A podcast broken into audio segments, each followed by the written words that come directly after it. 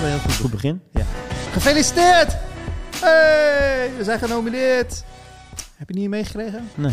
Davo is genomineerd en eh Street, uit Street is genomineerd Oh, zo. voor de Pre Dave de Promotieprijs. Ja, Ja, eigenlijk is Boekengast gewoon genomineerd. ja. Dus eh, gefeliciteerd. ja jij ook. Ja. Enorm. Enorm. Welkom bij Boekengasten, een eh, Oh ja, Boekengasten. podcast over, eh, eh, over boeken. Waarin eh, twee Even, eh, even nog één ding. leuke gasten praten over boeken. Ja, Eh, soms met gasten erbij, soms ook niet. Eh Egbert Scheffer en eh, Dennis van Haren. Hartstikke leuk. dus, dus dat. Bumper. Dat hadden we besloten dat we daarmee zouden beginnen. Ja. Dus de, we beginnen de podcast. eh, Tudu, tudu, tudu. Dat- ik kan nu wel een muziekje starten. dat is geen probleem. Ik ga niet op die knoppen drukken, want dan gaat het helemaal mis. Ja. Dus eh, ja. Nee, eh, dus 4 april horen we de uitslag. Heel spannend. Samen met eh, museum eh Eikas. Eik- Eikas? Klopt. Is niet eens open, maar is al Nee, genomineerd. Is Ja. genomineerd. Zeer, zeer, zeer, zeer promotioneel, Ja. denk ik. En ja, maar wel gunt. Ik ben, heb jij al iets van meegekregen van dat hele museum? Ik heb er nog niet zo heel veel van gezien. Weinig van gezien. Ik, eh, nee, oprecht niet. ook omdat, ja, het is nog helemaal niet open. Dus, Nee. dus ik, eh, ik, ik ben er nog niet eh in geweest. Nog niet. Ze hebben wel een tijdelijke locatie ook gehad, geloof ik. Dat heb ik, heb ik ook wel eens gezien. Een beetje Oh. een soort, soort impressie van wat ze willen gaan doen. Nou, dat wist ik Nou, dus niet ik ben heel benieuwd. Nieuw museum Deventer, ik ben voor. Ja. En onze vrienden van, nou ja, laten we Valencia zeggen, maar ze hebben meerdere bedrijven. Ze zijn als horeca trio genomineerd. Precies. Eigenlijk, eigenlijk stond daar gewoon dat de, de, de mannen Ja. Genomineerd zijn, toch? ja, de mannen. De bedrijven niet, de Ja, mannen zijn De mannen zijn genomineerd. Ja, tenminste, ik zag Max, geen, ik zag geen Jappie- en, eh, Jackies en zo zag ik niet staan. Ik zag Valentijn Michael. en Max, toch? En Michael. En Michael. Ja. Ja. Dus, Dus ook gefeliciteerd ook allemaal. gefeliciteerd. En, Wat een eh, leuk begin. En wij, en wij boekengasten zijn dus... eh, Wat een positief. Ja, ben je wij- erbij eh, 4 april? 4 april wordt, Zeker. is, is er een Hanzejaar gaat geopend worden. Ja, we dachten eerst in de Bergkerk, maar het is blijkbaar in de, De Zwarte, zwarte Silo. ja, zeg Ja. ik ook. Ja. Ja. Dus als je erbij wil zijn, eh, wees er snel bij, want eh, de plekken zijn, eh, zijn schaars, las ik in de uitnodiging. Oh ja? Ja. Nou, Dus nou, wij zijn erbij. ja, wij zijn erbij. Spanning en sensatie. Maar goed, terug naar boeken. Dan wil je erbij zijn, toch? Als wij erbij zijn, dan... Ah, wij zijn erbij. Misschien doen we wel een live podcast vanuit de promote. Nee, dat dacht ik niet. Ja, dan moeten we... Zit helemaal in de live Daar moet, daar moet Dave de marketing toch dik voor betalen. Als Ja, dat, eh, als, als ze dat willen, dan bij deze. Wij maken graag marketing voor Deventer. Zeker. En promotie en dat Zeker. soort dingen. Dus Eh, wie weet eh, worden we als boekengasten ook ooit nog genomineerd. boekengasten, leuk concept. Ja. Eh, Twee gekke gasten die eh, af en toe over boeken lullen. Soms met gasten, Soms ook dit niet. keer zonder.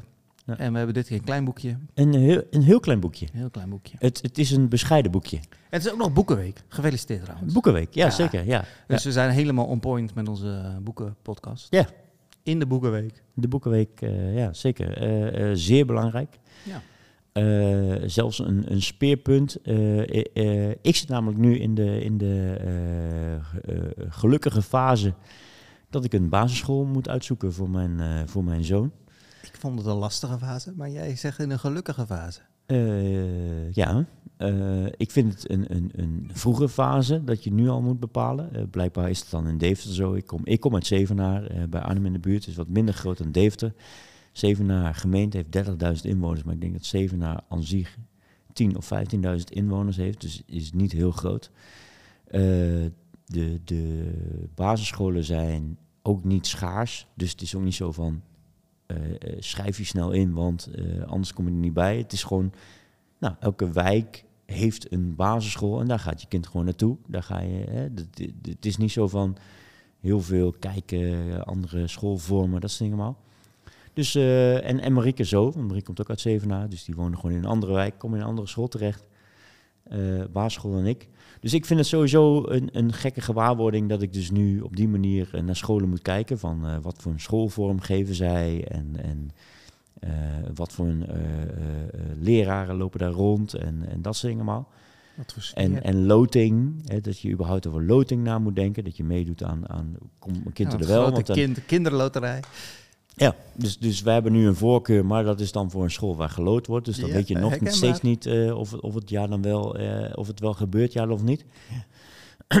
dus dat is best wel spannend. Alleen bij beide scholen heb ik wel heel veel gezien, veel lezen. Ik, zie, ik heb bij beide scholen waar wij in ieder geval een soort van goed gevoel bij hebben, is dat er veel gelezen wordt. Want dat vind ik heel belangrijk. Ik vind het heel belangrijk dat kinderen leren dat eh, eh, lezen heel, heel goed voor je is en heel belangrijk voor je is. Dus eh, ehm, eh, het hoeft voor mij niet het fysieke boek te zijn. Mijn voorkeur gaat uit naar het fysieke boek. Maar dat er in ieder geval veel gelezen wordt. Dat je veel meegezogen wordt in verhalen. Of dat je goed leert interpreteren hoe gesprekken of verhaallijnen lopen. Zeer belangrijk. Dus ja, dat. En dan in combinatie met Boekenweek. Vind ik dat een mooie combinatie om te zien. Dat ik, daarom sneed ik het aan, basisschool. Ja. Ik vind het zeer belangrijk dat Ja, een vaak, kind eh, goed vaak- leert lezen en goed leert. eh, Vaak ja. beginnen, tenminste de school van mijn kinderen ook, we beginnen s'morgens met een uur, uur lezen. Mhm. Schoolbreed lezen. Ja, want volgens mij is het nog steeds dat, dat dus nu in Nederland wordt, eh, dat Nederland ne- neemt het begrijpend lezen steeds meer af en krijg je steeds meer eh, eh, laaggeletterden in Nederland, de mensen die niet eens, überhaupt niet eens goed kunnen lezen. En dat is een zorgelijke trend. Eh, eh, dus laten we dat alsjeblieft stoppen en, en eh, focus zetten op goed leren lezen en begrijpend leren lezen. Maar, daar wil ik dan nog wel een kanttekening bij maken. Er zijn ook gewoon kinderen en mensen die in andere dingen goed zijn dan Mhm. in lezen, schrijven, dat soort dingen. Daar ben ik er zelf ook eentje van namelijk. Maar dat is ook allemaal goed gekomen Hmm. door, door het veel te doen. En, maar het is, eh, het is een belangrijk onderdeel van, van, het, van het bestaan. Ja. Lezen, ja. En Ja. schrijven en eh Ik begrijpen. zeg niet dat ja. dat moet definiëren hoe je bent. Ik zeg alleen maar meer dat, dat er meer eh, aandacht voor gegeven moet worden. Dat dat iets moois mee Nou kan ja, de, brengen. de reden dat ik het aangeef is dat ik wel soms het gevoel heb als we op school gesprekken hebben, dat het vooral heel erg over taal, rekenen, eh, schrijven, Mhm, lezen gaat. Snap ik. En ja. weinig over hoe creatief een kind is. Ja, ja. Eens, eens, eh, ik ben, helemaal eens. Dat- sportief een kind is, eh, Snap ik. hoe handig een kind is, of hoe sociaal een kind is. Ja. eh. Dus ik, ik, ik begrijp je punt helemaal. Maar, maar ja, dus de focus op dat je, dat je tekst in ieder geval, los van hoe goed je ze kunt eh, eh, interpreteren, eh, eh, in ieder geval wel gewoon... Ja, het moet in elk geval, en dat, daar ben ik groot voorstander van, het moet leuk zijn. Ja. Dus laat, en dat is veel scholen tegenwoordig kunnen kinderen gewoon zelf boeken uitzoeken. En Precies, is er, dat- is er de bevoorrechte Ja, ja, situatie dat, dat, dat is dus wat ik op die basisscholen die ik heb gezien. er Super mooi, mooie wanden ja. met allemaal boeken. En eh, Ja. kinderen mogen er inderdaad zelf. eh, samenwerking met de bibliotheek. De bibliotheek die, dat, die dat gewoon maandelijks ververst. Gewoon eh, mooie boeken aanlevert. Ook op aanraden van de kinderen. Super tof. Ja, je bent Ja. niet verplicht om dingen te lezen of dat soort dingen. Nee. Eh, je mag gewoon Dat je lezen iets waar je het leuk, precies. leuk, leuk vindt. En Ja. eh, wat bij jouw niveau past, dat is natuurlijk nog veel belangrijker. Precies. Dus dat is. eh, Nou, tof. laten we daar focus op houden. En eh, laten we dat eh, aangrijpen als zijnde dat mooi iets voor de Boekenweek. Ja. Heb je nog een boek gekocht in de boekenweek? Ik was nog wel in de boekenwinkel deze week toevallig. Nee, alleen dat heeft een andere oorzaak. Want jouw boekenkast is vol. ja. Ik heb namelijk nu ik heb een nieuw appje geïnstalleerd. Een appje. een appje. Het appje van Dennis. Het appje van Dennis. We moeten zo'n bumper hebben. Ja. Eh, en dat heet, De app van Dennis. ja, dat heet Strides. Hoe? Strides. Strides. Strides. Klinkt wel heel... eh, ja. ja, wat doet dat appje? En het appje houdt gewoon bij. Ik zet daar doelen in. Hebben we al wel die- gezegd dat je geen Nokia meer hebt? Dat hebben we al afgesloten, dat verhaal. Hè? Ja, ja, al lang afgesloten. Ik heb gewoon weer een iPhone. Nee, niet dat we niet dat dat podcastluisteraar de vorige aflevering nog luistert. Hoe gaat het met een, een Nokia en dan nu opeens eh pak je nee een hoor, appje erbij. gewoon, eh, Dat hadden we in de vorige aflevering afgesloten, geloof afgesloten, ik. ja, zeker. Ehm, alleen daar heb ik een appje op geïnstalleerd. En dat, eh, Wat doet het? ehm, ik ben iemand van, als ik een doel stel, wil, Oh ik ja. het, wil ik het zichtbaar maken. Dus als ik ga hardlopen en ik, zeg, en ik zeg ik wil halve marathon lopen, dan maak ik vaak een fysieke kalender en die hang ik op en daar kleur ik, eh, kleur ik een vakje groen of Ja. een vakje rood. Hebben we dat in de podcast verteld? Hebben we dat daarna besproken? Nee, vorige week hebben we dat volgens mij. Vorige oh, keer- vorige, vorige vorige, week. Vorige week toen we de Vorige podcast... maand. eh, twee maanden geleden toen wij De vorige eh, podcast. de vorige podcast toen wij dat besproken hebben we dat ook besproken en in dat appje kan ik dat digitaal kleuren. digitaal kleuren Echt? ja Eh, en daar heb ik dus allerlei doelen in gezet Eh, en een van de doelen En allerlei, is dat dan 5, 10, 100? eh, volgens mij heb ik er nu een stuk of 15 Zo. Ehm, eh, en dat varieert dan per dag. Dus ik Mhm. heb dan ook per dag aangegeven van die dag wil ik dat doen of die dag Oh, ja. wil ik dat doen. Alleen een algemeen doel is, en het is in het Engels, Don't Buy Books. en daar heb ik een doel in gezet. Sorry, Pruimstra. Ja, daar heb ik een doel in gezet van een jaar. Zo gaat onze sponsor gelijk weglopen. Dus Ik heb, ik heb zo ontiegelijk veel boeken. Dat slaat nergens op. En ik heb een abonnement bij de bibliotheek. En ik doe zo geen zak met de bibliotheek. Dus ik heb gewoon zoiets van... Dennis, als je hem wil kopen... tik je op zelf op de vingers. Wacht een paar maanden en ga naar de bibliotheek. Dus schrijf hem op je, op je lijstje. En ga vervolgens naar de bibliotheek en leen hem daar. Als ik hem volgens niet leen, betekent het dus ook dat ik hem... Want dat gebeurt natuurlijk ook vaak als Ja, ik hem ja, ja. koop voor mijn boekenschap. dan lees ik hem ook niet direct of, of veel later pas. Dus zet hem op verlanglijst. Ga naar de bibliotheek en leen hem daar. En lees potverdomme eerst gewoon de boeken uit die je hebt. Goed, goed. Dat is dus even Goed mijn, voornemen. Dat is even mijn Dus elke dag kleur je vlakje in geen boek van gekocht. Don't Buy Books. Dus even kijken, hoeveel, hoeveel dagen Hoeveel- heb ik al geen dagen gekocht? Geen boek gekocht. Even kijken. Ik vind dit wel een bijzondere voor een boekenpodcast. Mooi toch? Ja. Al twaalf dagen heb ik geen boek gekocht. En eh, hoeveel boeken kun je nog lezen voordat je weer boeken moet gaan kopen of gaan huren? Nou, dat zie je op Hebban. Eh, 100, Hebban. 100 of zo. ja. En dan heb ik ook nog een heleboel boeken die je ook nog Die ik ook nog kan lezen. Dus ja, ja ik, ik heb voldoende boeken. Voorlopig kan je nog wel even voor. Ik kan wel even door. En dus de bibliotheek. Want de bibliotheek. Ik ben, ik ben wel ik, oprecht. Ik ben dus nu. En, ik, ken, eh, en dat komt al door eh, veel meer met mijn zoon Wiek. De, wij gaan om de zoveel tijd. Mhm. gaan we gewoon naar de bibliotheek om daar een boekje eh, te lenen. Mhm. Super tof. Maar ik zie dus ook de meerwaarde voor mijzelf steeds meer in. Gewoon van, Ja. dat was vroeger ook zo. En ik zie dus Het ook nu- hebben is niet zo heel belangrijk meer. Nee, niet het zelf hebben, maar wel het zelf lezen. Dat Ja. is dus ook. En dat kun je. Dus ik, ik merk gewoon meer van. Doe daar dan ook inderdaad wat mee. Daar zijn allemaal super toffe boeken. eh, eh, best wel actueel. Echt ook niet zo dat je denkt van nou een jaar later komt pas ineens de populaire Ja, boeken. zit daar, zit daar, ja, zit er natuurlijk, we moeten het eerst verkopen, want er moet Ja. eerst geld verdiend worden. Tuurlijk zal er, eerst, zal er eerst een periode tussen zitten. Ja. Ik weet, ik weet Maar eigenlijk niet niet hoe, een gaat, jaar. hoe lang dat duurt voordat een boek in de in de ja, maar voor mijn gevoel is staat. het niet een jaar, want ik, ik zie dus nu ook al wel boeken naar voren komen die nu al een tijdje populair zijn geweest. Alleen dan Ja, ja. na een paar maanden komen ze wel eh, in de bibliotheek.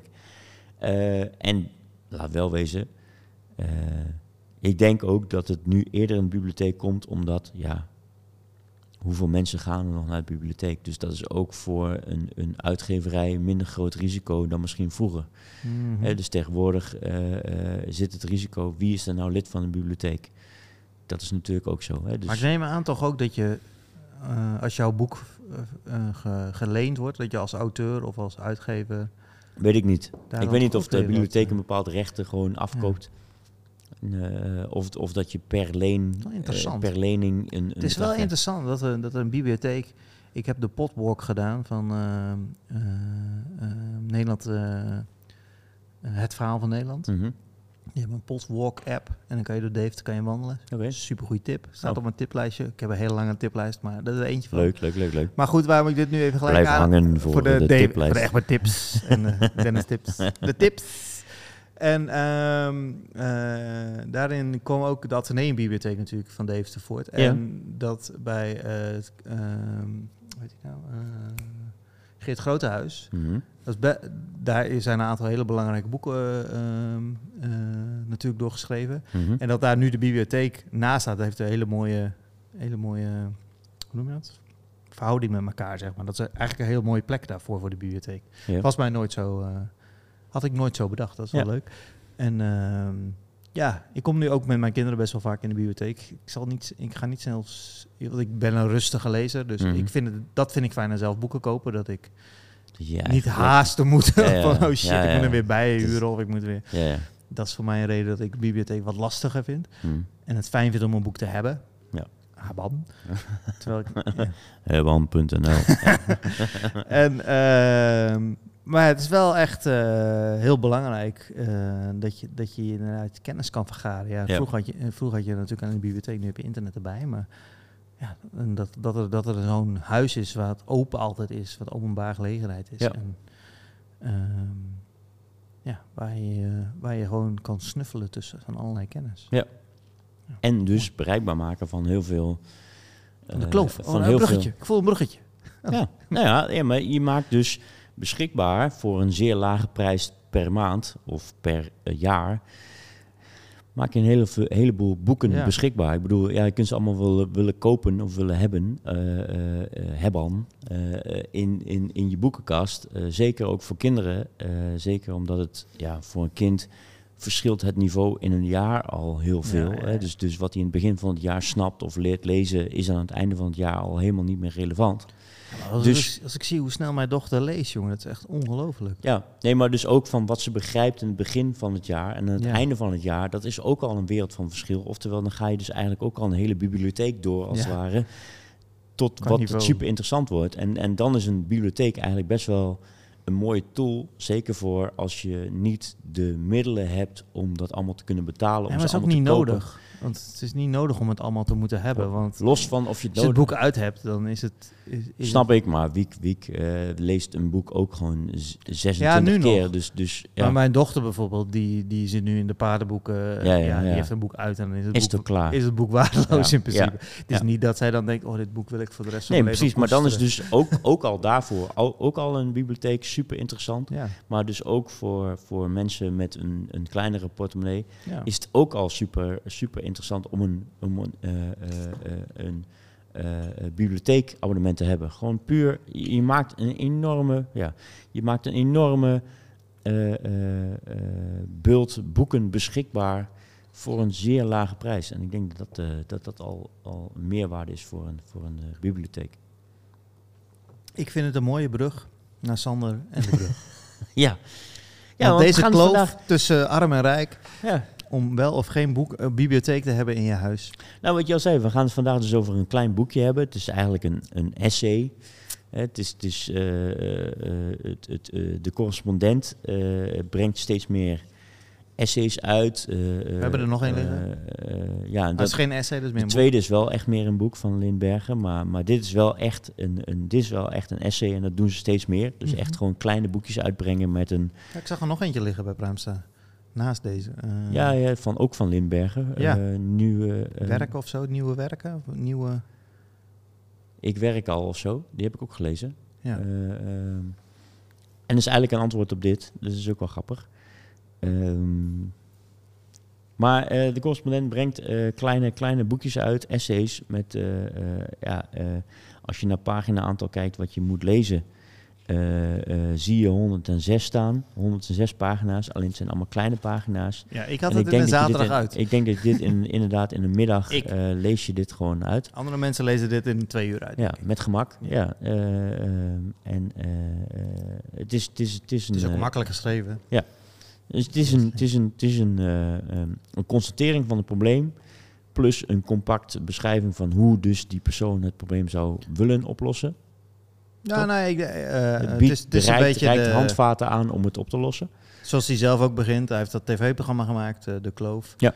En eigenlijk is dit, zijn dit vijf antwoorden. Ja. Want hij krijgt Nee, dus heel dus- vaak de vraag, leuk dat je de kloof niet hebt, hebt weergegeven. Zo van, dit is de kloof. Ja. En maar hoe, gaan we je- nu dan zorgen hoe dat... los je het op? ja. Hoe los je het op? Heb je ook een antwoord? Ja, Precies. Dat heeft en, dus en, en dat is dus wat ze dus nu en de kost. Dit is het andere wat ik ook heb gelezen van Limbergen. Is ook gewoon zo'n eh, eh, essay met een aantal eh, handvaten om het misschien op, te, op te lossen. Eh, dus we gaan het vandaag hebben over. en ik denk dat het ook actueel is gezien de, de huidige verkiezingsuitslag. Ja, want we hebben net verkiezingen Eh, want wij, eh, wij nemen dit namelijk op op 17 maart. Dus eh, we zitten vlak na de, Na het feest van de democratie. ja, vlak na de eerste, eerste of in ieder geval de provinciale verkiezingen en de waterschapverkiezingen. Ik heb Niet nog geen, ik, ik heb nog geen uitslagen gezien op de waterschappen, Ik maar ook niet. daar heeft ook niemand het over. maar goed, dat, dat terzijde. Maar ik denk dat het relevant is. We gaan het namelijk hebben over eh, Sander Schimmelpennings boek eh, Sander en de Brug. Vijf voorstellen voor een eerlijker Nederland. Lees, lees jij even de achterflap? eh, Zal ik de achterlap hier even Lees even de achterflap. Maak ik een fotootje van je?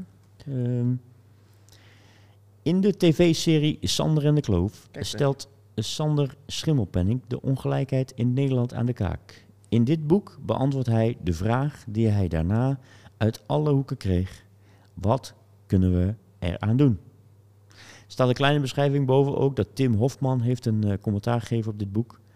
Sander Schimmelpenning laat erg goed en begrijpelijk zien hoe we de welvaart beter kunnen verdelen.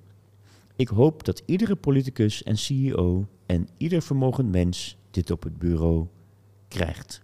Nou, duidelijkere beschrijving eh, van dit boek eh, is inderdaad niet te geven. Ehm, en ik denk dat het in het, eh, in het licht van de huidige eh, bespiegelingen in het land eh, een interessant boek is om te bespreken. Dus ik ben zeer benieuwd naar jouw bevindingen op dit boek. Ja, als eerste even het tv-programma waar ik al groot fan van was en ben. En waar ik veel met mensen over, nou niet gediscussieerd, maar over gepraat heb met Mhm. mensen. Van wat, hoe zie jij dat? En dat, dat vond ik vooral wel heel leuk eraan. Dat je met mensen daar een gesprek over krijgt van, hey, hoe eh, gek dat dat zo ontstaan is. En eh, Mhm. hoe, eh, hoe kijk jij dat tegenaan? Eh ja, zo, zo heb ik dit boek ook gelezen met heel veel plezier. En ja, ik denk dat het leuk is om zo meteen even die vijf punten gewoon aan te halen en daar eens even over te brainen met elkaar. Ja. Hoe, hoe heb jij het boek ervaren? Boekje, essay. Ehm, wat ik denk, en daarom zei ik het ook van de, dit ligt ook ten grondslag aan, aan de huidige eh, verkiezingen, is dat dit boekje voor mij symbool staat voor ehm, wat nu ontbreekt in de politiek. Dit is namelijk een vergezicht, een, een, een, een plan voor, voor meerdere jaren, vooruitkijkende eh, op, op wat we eigenlijk zouden moeten doen. En dat eigenlijk in de politiek, de huidige politiek, niemand meer een vergezicht durft te geven van hier durven wij naartoe te gaan. En iedereen die dat wel doet, wordt daarop afgerekend. Dus als je nu kijkt naar de huidige politieke landschap, is het als eh, eh, eh, GroenLinks het heel erg over klimaat gaat zetten en zeggen van daar gaan we naartoe, dat is het doel, 2030, 2035 worden ze daarop afgerekend. Als D66 zegt, we moeten nu klappen maken, we moeten nu halveren op de veestapel, we moeten nu dat soort dingen doen, worden ze daarop afgerekend. Wie wordt niet afgerekend? Iedereen die met de winden van het eh, eh, de populistische winden meewaait van nee, nee, het sentiment ligt nu daar, dus de, nee, nee, we gaan daar helemaal niet meer doen. En de boeren die zijn allemaal zo belangrijk en dat soort dingen, maar die worden ineens knijtje groot, want het is korte termijn denken. Het is namelijk wat gaan we morgen doen? Dus morgen is dit de oplossing inderdaad. Morgen is dit wat we nu willen doen. De mensen willen morgen horen dat dit het is. Mensen willen niet weten wat er over tien jaar gebeurt, want dan ben je niet populair. Dan ben je namelijk niet bezig met wat er morgen moet gebeuren. Maar je, je en wat dat betekent voor de mensen nu. Want dat Precies. is het vooral. Precies. Dus de mensen nu, die willen niet de pijn voelen van wat er misschien over tien jaar de oplossing zou moeten zijn. Dus ni- niemand wil die pijn voelen nu. Alleen dit boek vind ik ook dat symbool staat voor er moet een vergezicht komen van waar gaan we naartoe werken. En als je dus een punt zet van dat willen we hebben, dan moet er ook een startpunt zijn van zo gaan we er naartoe werken. Want Mhm. eigenlijk is iedereen het dus mee eens. Hè? Dus los even van Forum van Democratie of zo. Is Ja. iedereen eens met klimaatverandering? En is iedereen eens met de mens heeft daar invloed op? Of in ieder geval kan dat afremmen, of kan dat vertragen, of kan daar misschien iets in bijsturen? Zijn we allemaal over eens. Maar de pijn komt pas aan wat gaan we er nu aan doen? Dus dan, de, iedereen is het eens met ja, 35 of, of, of, of 40, dan moet het, eh, eh, eh, de uitstoot nagenoeg nul zijn. Maar dan moet je wel nu beginnen. Dat betekent niet dat je pas over 20, 30 jaar moet beginnen met de uitstoot terugbrengen. Nee, dan moet je nu beginnen. Alleen dan pas komt ineens het pijnpunt naar voren. Dat iedereen het vervelend vindt om nu de lasten daarvan te dragen voor wat het misschien in de toekomst oplevert. Of iets in te leveren. En waar je heel hard aan gewerkt hebt om daar naartoe te gaan. En Ja. dat is allemaal gestimuleerd om dat allemaal te doen. Zeker? En, eh, en- dan nu opeens ben je daar en dan moet de handrem er weer op, op, op, opgezet worden. Precies. Ja, dat is... eh, En dat, ik denk dat, dat dit dus ook bij uitstek zo'n boekje is, dat dat vergezicht laat zien, dat punten laat zien van, dat zouden we moeten doen om ervoor te zorgen dat we over 10, 20 jaar die kloof dichten. Alleen daar moeten we nu wel mee beginnen, want je kunt wel, hè, dus nogmaals, hij zet het einddoel, maar daar moet je nu wel stappen voor doen, want anders kom je nooit bij het einddoel. Dan wordt het nog veel moeilijker en dan wordt het nog veel zwaarder en, en de- de- dan gaat het helemaal niet gebeuren. Nee. Want dat zie je nu ook. Grote uitslag BBB. CDA draait vandaag meteen. Die zegt stikstofbeleid kunnen we niet uitvoeren, want het land heeft gesproken. Dus het land wil geen stikstofbeleid. Wel, wie, wie bepaalt dat dan? Bepaalt Jan op de hoek wat het stikstofbeleid wordt. Nee, er zijn knappe koppen die hebben uitgerekend, die hebben bedacht van hoe moeten we dit in godsnaam dus neerzetten voor de komende generaties. Die hebben een bepaald beleid uitgezet. Het kabinet is daarmee akkoord gegaan, we gaan dit uitvoeren en vervolgens vindt, is het land daar niet mee eens, want het doet nu pijn. Voor morgen doet het pijn. Frank, beetje Frankrijk. Maar voor over tien jaar doet het geen pijn. Want over tien jaar zijn jouw kinderen daar super blij mee dat we dat nu in gang hebben gezet. Alleen dat, dat het sentiment zit op, op morgen. Ja, en, en dan gaat nu, hè, dan zie je meteen, gaat de politiek weer draaien. Gaat het, gaan, al die partijen gaan weer mee. Want mijn kiezers hebben me van me vervreemd en, eh, het is allemaal niet eens. Maar ik, ik snap, ja, nou goed. Dit is, eh, eh, Maar dat is eh, Frankrijk nu ook, toch? Dat, eh, dat, dat het rep en roer is. Die omdat pensioenleeftijd. de pensioenleeftijd iets hoger wordt. zeker. Maar dat zo'n president dat er dus wel gewoon erheen heeft gedouwd. Ja. Want die heeft gewoon... Want eigenlijk Heeft gewoon gezegd, ja. alle, alle partijen, wat ik tenminste net op het jeugdjournaal begreep... hebben allemaal gezegd... of de, in elk geval de Dens is allemaal, dat willen we niet. Mhm. En hij heeft toch gewoon gezegd, we gaan dit toch doen. Ja. Punt. Het is nodig. Want we moeten daar naartoe. Precies. Want ook, ook in Frankrijk heeft te maken met vergrijzing. En heeft Ja. ook te maken met ouder wordende bevolking. En eh, dat is gewoon nodig. Stel als dat ik het niet kan begrijpen eh, hoe, hoe links blijft stemmen op rechtse partijen. Of hoe, hoe arme mensen blijven stemmen op, op rechtse partijen. Ik snap het niet. Minder belastingen. Wa- eh, Waarvoor de fuck denk je dat de bijstand van wordt betaald? Er wordt toch van belasting betaald? Ik, ja, daar snap ik helemaal geen zak van. Maar goed, dat is eh, misschien voor een andere, ander moment. Maar... Als we een politieke partij gaan beginnen. Ja. Nee, maar ja, ja, ik, ja ik, ik denk dat dit... Want het grappige is dus dat Sander Schimmelpenning wordt als een, als een, eh, een, typische VVD'er gezien. Van dit is iemand die eh, eh, geboren is met, met veel geld. Hè, want hij komt uit een, uit een familie Oude vanuit oude adel. En, en heeft inderdaad helemaal niet hoeven klagen over zijn, over zijn opvoeding. En over welk geld hij allemaal inderdaad had. Maar dit boekje, hij laat zich zien als voorvechter voor eh, eh, gelijke verdeling. Voor te zorgen dat de, de, de mensen met het meeste geld de, de zwaarste eh, eh, eh, lasten dragen op de schouders.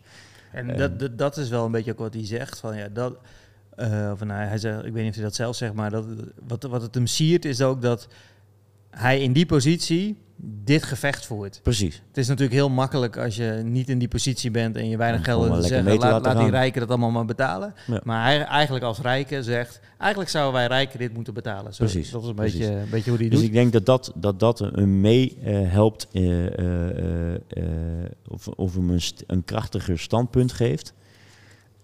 En daar heeft hij dus een paar speerpunten in, in, naar voren gebracht. Eh, en die kunnen we inderdaad eh, eh, eh, langslopen. Eh, eh, Nummer 1, 1, 1. Nummer 1 is belast winst uit vermogen en erfenissen net zo zwaar als inkomen uit werk. Oftewel, Als je geld geschonken krijgt, of als je... betaal je daar gewoon weer belasting over. Nou ja, nu zeg je het zelf al, weerbelasting. Ja. Maar wat hij dus zegt, in principe, je krijgt voor al het inkomen wat je krijgt, dus een, een erfenis is ook inkomen, Ja. wat niet, waar jij niks voor gedaan hebt. Ja. En hetzelfde geldt voor eh, eh, winsten uit, uit eh, hoe heet dat, Ehm, vermogen, hoe heet dat nou, aandelen en dat soort Mhm. dingen. Eh, daar heb je niks voor gedaan. Je hebt geld erin gestopt, daar is geld uitgekomen. Ja. En jij krijgt geld wat je eerst nog niet had. Dus is het inkomen. Zo, zo, zo beschrijft hij het. Ja. En inderdaad, iedereen zegt met, met een erfenis, daar is al belasting over betaald. Ja, door diegene van wie die daarvoor gewerkt heeft. Ja. En nu krijg jij gewoon geld. Precies. Ja, zou je daar ook belasting over moeten betalen? Ik vind dat op zich geen gek idee. Helemaal mee eens. Ja. Helemaal mee eens. Want precies dat dus. Gewoon van, jij krijgt, jij krijgt het geld. Dus je krijgt gewoon, zonder dat je er ooit iets voor hebt gedaan, krijg je gewoon, hoppa, geld in je geld. En, en dan moet je En je gewoon... krijgt inkomen eigenlijk. Precies, je krijgt gewoon een vorm van Waar inkomen. je niet eens wat voor hoeft te doen. Nog nooit wel iets voor hebben hoeven doen. Dus ik eh, ben het ermee eens dat je daar gewoon eh, eh, belasting over moet betalen. En dat je daar dus, want het tweede deel van zijn, van zijn betoog is dus ook dat vermogen in die zin Ja, het is, het gewoon heel interessant om huizen en dat soort dingen, omdat het allemaal minder belast wordt. Precies. Dus ik, ik vind ook dat je daar eh, eh, zwaardere eh, belasting over mag. mag nou ja, dat het, het, het is nu heel duur om te werken. Dat is heel gek. Ja. Of het, je het, relatief gezien. ja. Ja. En hoe, heel, als je heel hard gaat werken, moet je heel veel belasting betalen. Ja. Ga je op je kont zitten en krijg je een erfenis, hoef je geen belasting te betalen. Ja. Dat is eigenlijk bijzonder. Dat is toch heel raar. Of Ja. als je inderdaad al veel geld hebt en je stopt het ergens in en je krijgt daar nog meer geld voor. Dan hoef je er, hoef je er niet veel. Ga heb je geen geld, dus moet je heel hard gaan werken. Moet je daar heel veel belasting over betalen. Nou, Ja. dat, eh, dat, dat legt hij wel heel mooi uit. In Dat is een scheve, scheve verdeling. Nou, en al van mij, mijn oog heeft hij daarmee mee wel geopend, zeg maar. Zo Zeker. zeggen. Ik denk ook dat het, eh, dat, dat een eh, goed punt is. Eh, Nou verwacht ik geen gigantische erfenis, maar misschien als ik... ja, ik- Maar daar zijn we het wel mee eens. Ik denk dat we daar mee eens zijn, eh beide. Ehm, voorstel 2. Hervorm het onderwijs. En daar heeft hij het over schrap artikel 23 van de grondwet. Stel het schooladvies uit en geef ieder kind een warme lunch. dat, eh, Schrap artikel 23 van de grondwet. Dat gaat volgens mij over het eh, religieuze ondergrond van het dat iedereen een, iedereen een school mag, zou mogen openen. Ja. De, wat de Vorm voor Democratie dus ook een keer gedaan heeft. Ja. Of, of gedaan heeft, ik weet niet of dat uiteindelijk uitgevoerd is. Maar in elk geval, eh, in Nederland mag je voor alles een school oprichten. Ja. Mag je gewoon een school oprichten. Ja. Ehm, Wat natuurlijk een mooi gegeven is, maar wat ook heel raar is. Want je kan dus ook allerlei ide- ideologieën en precies. Indoctrinaties, om het zo maar even... Ja. Dat heeft, dat even heeft, denk ik, eh, dat heeft denk ik eh, eh, twee kanten van de medaille. Inderdaad, dat één, dat is eh indoctrinaties. Maar aan de andere kant, stel je zou maar één vorm toestaan, lijkt het ook een soort van Ja. staatsvorm. dus ik vind het denk ik moeizaam om helemaal voor zijn standpunt te gaan staan. Als zijnde Ja, van ik zit even te denken het, hoe die- het hoe moet één vaste vorm zijn. Ehm, Nou, ik weet niet of het zozeer in vaste vorm moet zijn, maar ehm, ja, onderwijs is gewoon een heel belangrijk onderdeel van, van, van de basis van, eh, ehm, van een kind. En wat hij vooral volgens mij wil duidelijk maken is dat hij vindt dat, wat nu heel veel gezegd wordt, elk kind heeft evenveel eh, kans om te komen ehm, bij elk ander kind kan komen, zeg maar. Dus iedereen kansgelijkheid. Nou, dat, is in, dat is gewoon niet het geval. Want als je gewoon veel geld hebt, kan je gewoon naar een andere school. Als dat je weinig geld hebt, moet je naar, eh, kan, je, kan je niet naar die school, bij wijze van. Ja. En dat, dat, volgens mij wil hij dat gewoon gelijk trekken. Dat je gewoon alle lagen, alle dingen, gewoon allemaal precies hetzelfde onderwijs hebt. Klopt, ja, hij, Zoiets hij beschrijft hier dus dat, eh, even kijken, op school moet ieder, moeten kinderen in alle vrijheid leren wat er te koop is in de wereld, mensen uit andere religieuze omgevingen leren kennen en Ja. hun eigen conclusies kunnen trekken. Kijk, als je alle moslims bij elkaar gaat, alle christenen bij elkaar gaat, dat is ook een beetje wat hij aanhaalt. Ja. Dan leren die elkaar niet kennen. En zodra je iedereen mixt, dan eh, leer je elkaar beter kennen. Dat in Eens, het, dus in het punt een 5 soort- komt dat ook moet allemaal, Het moet soort allemaal openbare eh, vormen zijn Ja. en niet een, een, een christelijke vorm en een islamitische vorm. Ja, waardoor En- je niet bang bent voor een andere, Ja. andere, Dus- andere iemand in een ander... Ja, dus in die zin ben ik het mee eens. Alleen ik ben het niet mee eens als je zegt van dus dat het allemaal staatsgericht moet zijn. Dus het moet Nou een soort openbaarheid zijn, ja. inderdaad, waarin alles wordt eh, eh, onderwezen. Maar dan moet waarin je dus ook- eh, eh, een divers palet aan, aan godsdienstelijke dingen worden gegeven. Zeg maar. Precies, Ja. precies, ja, eens. Ehm, stel schooladvies uit. Ja, maar die warme maaltijd wil ik ook nog even aan, eh, aanhalen. Of Ja, die komt, de- dat is ja. de volgende, dat is de volgende. Maar Ja, schooladvies vind ik ook. Eh, Mijn dochter zit daar nu in. Hij, hij zegt dat het is tijd voor een middenschool. Dus het gaat het over van de, de overgang van basis naar eh, middelbare school. Ja, wat mij betreft blijft een kind gewoon van basis tot eh, HBO bij wijze van spreken op één school. Ja. Dat, dat, maar nu, nu ik zie hoe mijn kind verandert in groep 8, zeg maar, van kind naar mm, begin puberteit, zeg Ja. Begrijp je ook wel dat daar ergens een knip zit? Van nou ja, dat past niet meer op een basisschool, dat moet naar een, een ander, ander gebouw, zeg maar, om het zo maar even te, Ja. lullig te zeggen. Maar het is wel. ehm, ja, je moet nu al heel erg gaan bepalen welke richting je als kind op wil, zeg maar. Ja. En, eh, en inderdaad, dat advies, dat schooladvies, dat is echt een dingetje. Eh, in welke laag word je inge- ingedeeld? Ja. Begin je onderaan, wat al verschrikkelijk is natuurlijk, of begin je bovenaan? Het slaat ook helemaal nergens op. We hebben ze allemaal nodig. Dus Precies, Ze moeten ja, naast elkaar staan. Hij maakt meer Ja. het, meer het, eh, meer het inderdaad het, het eh, eh, punt van eh, laat ze langer mengen, laat ze langer bij Ja. elkaar zitten, laat ze langer van elkaar profiteren en elkaar, van elkaar leren, zeg maar. Dat, dat is, dat is Ja, ik, eerder... ik zie daar ook wel voordelen van. Als je dus daar alweer een scheiding gaat maken van die mensen zijn heel goed in dat en die mensen zijn heel goed in dat. Want dat is eigenlijk wat je doet. Ja, want hij zegt eh, eh, het belang van hun prestaties en studies wordt door hun ouders dikwijls overdreven tot op ongezond niveau. Het zijn juist de kinderen die nu eh, soms al op 11-jarige leeftijd in het bakje laag opgeleid, tussen aanhalingstekens, terechtkomen, die belang hebben bij meer stimulatie en hogere lat.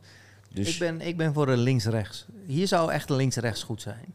Dus je bent of links of je bent rechts opgeleid. Dat zou mooi zijn. en dan niet politiek links of rechts, maar gewoon in plaats van onder boven of laag of hoog, ja. gewoon links of rechts. Ja. Maar goed, dat is een ideetje. Nee, maar dus, dus dat, dat, ik, ik ben het daar, eh, denk ik. eh, nee, ik, ik weet wel zeker dat ik daarmee eens ben. dat, ik, dat ik vind dat. eh, een langere tijd gewoon alle vormen door elkaar heen moeten blijven leven. Dat mensen eh, of, of kinderen met eh, eh, eh, veel meer eh, eh, eh, kracht in, in leren, in makkelijker teksten inderdaad begrijpen, in, in rekenen en weet ik wat allemaal, moeten, moeten blijven.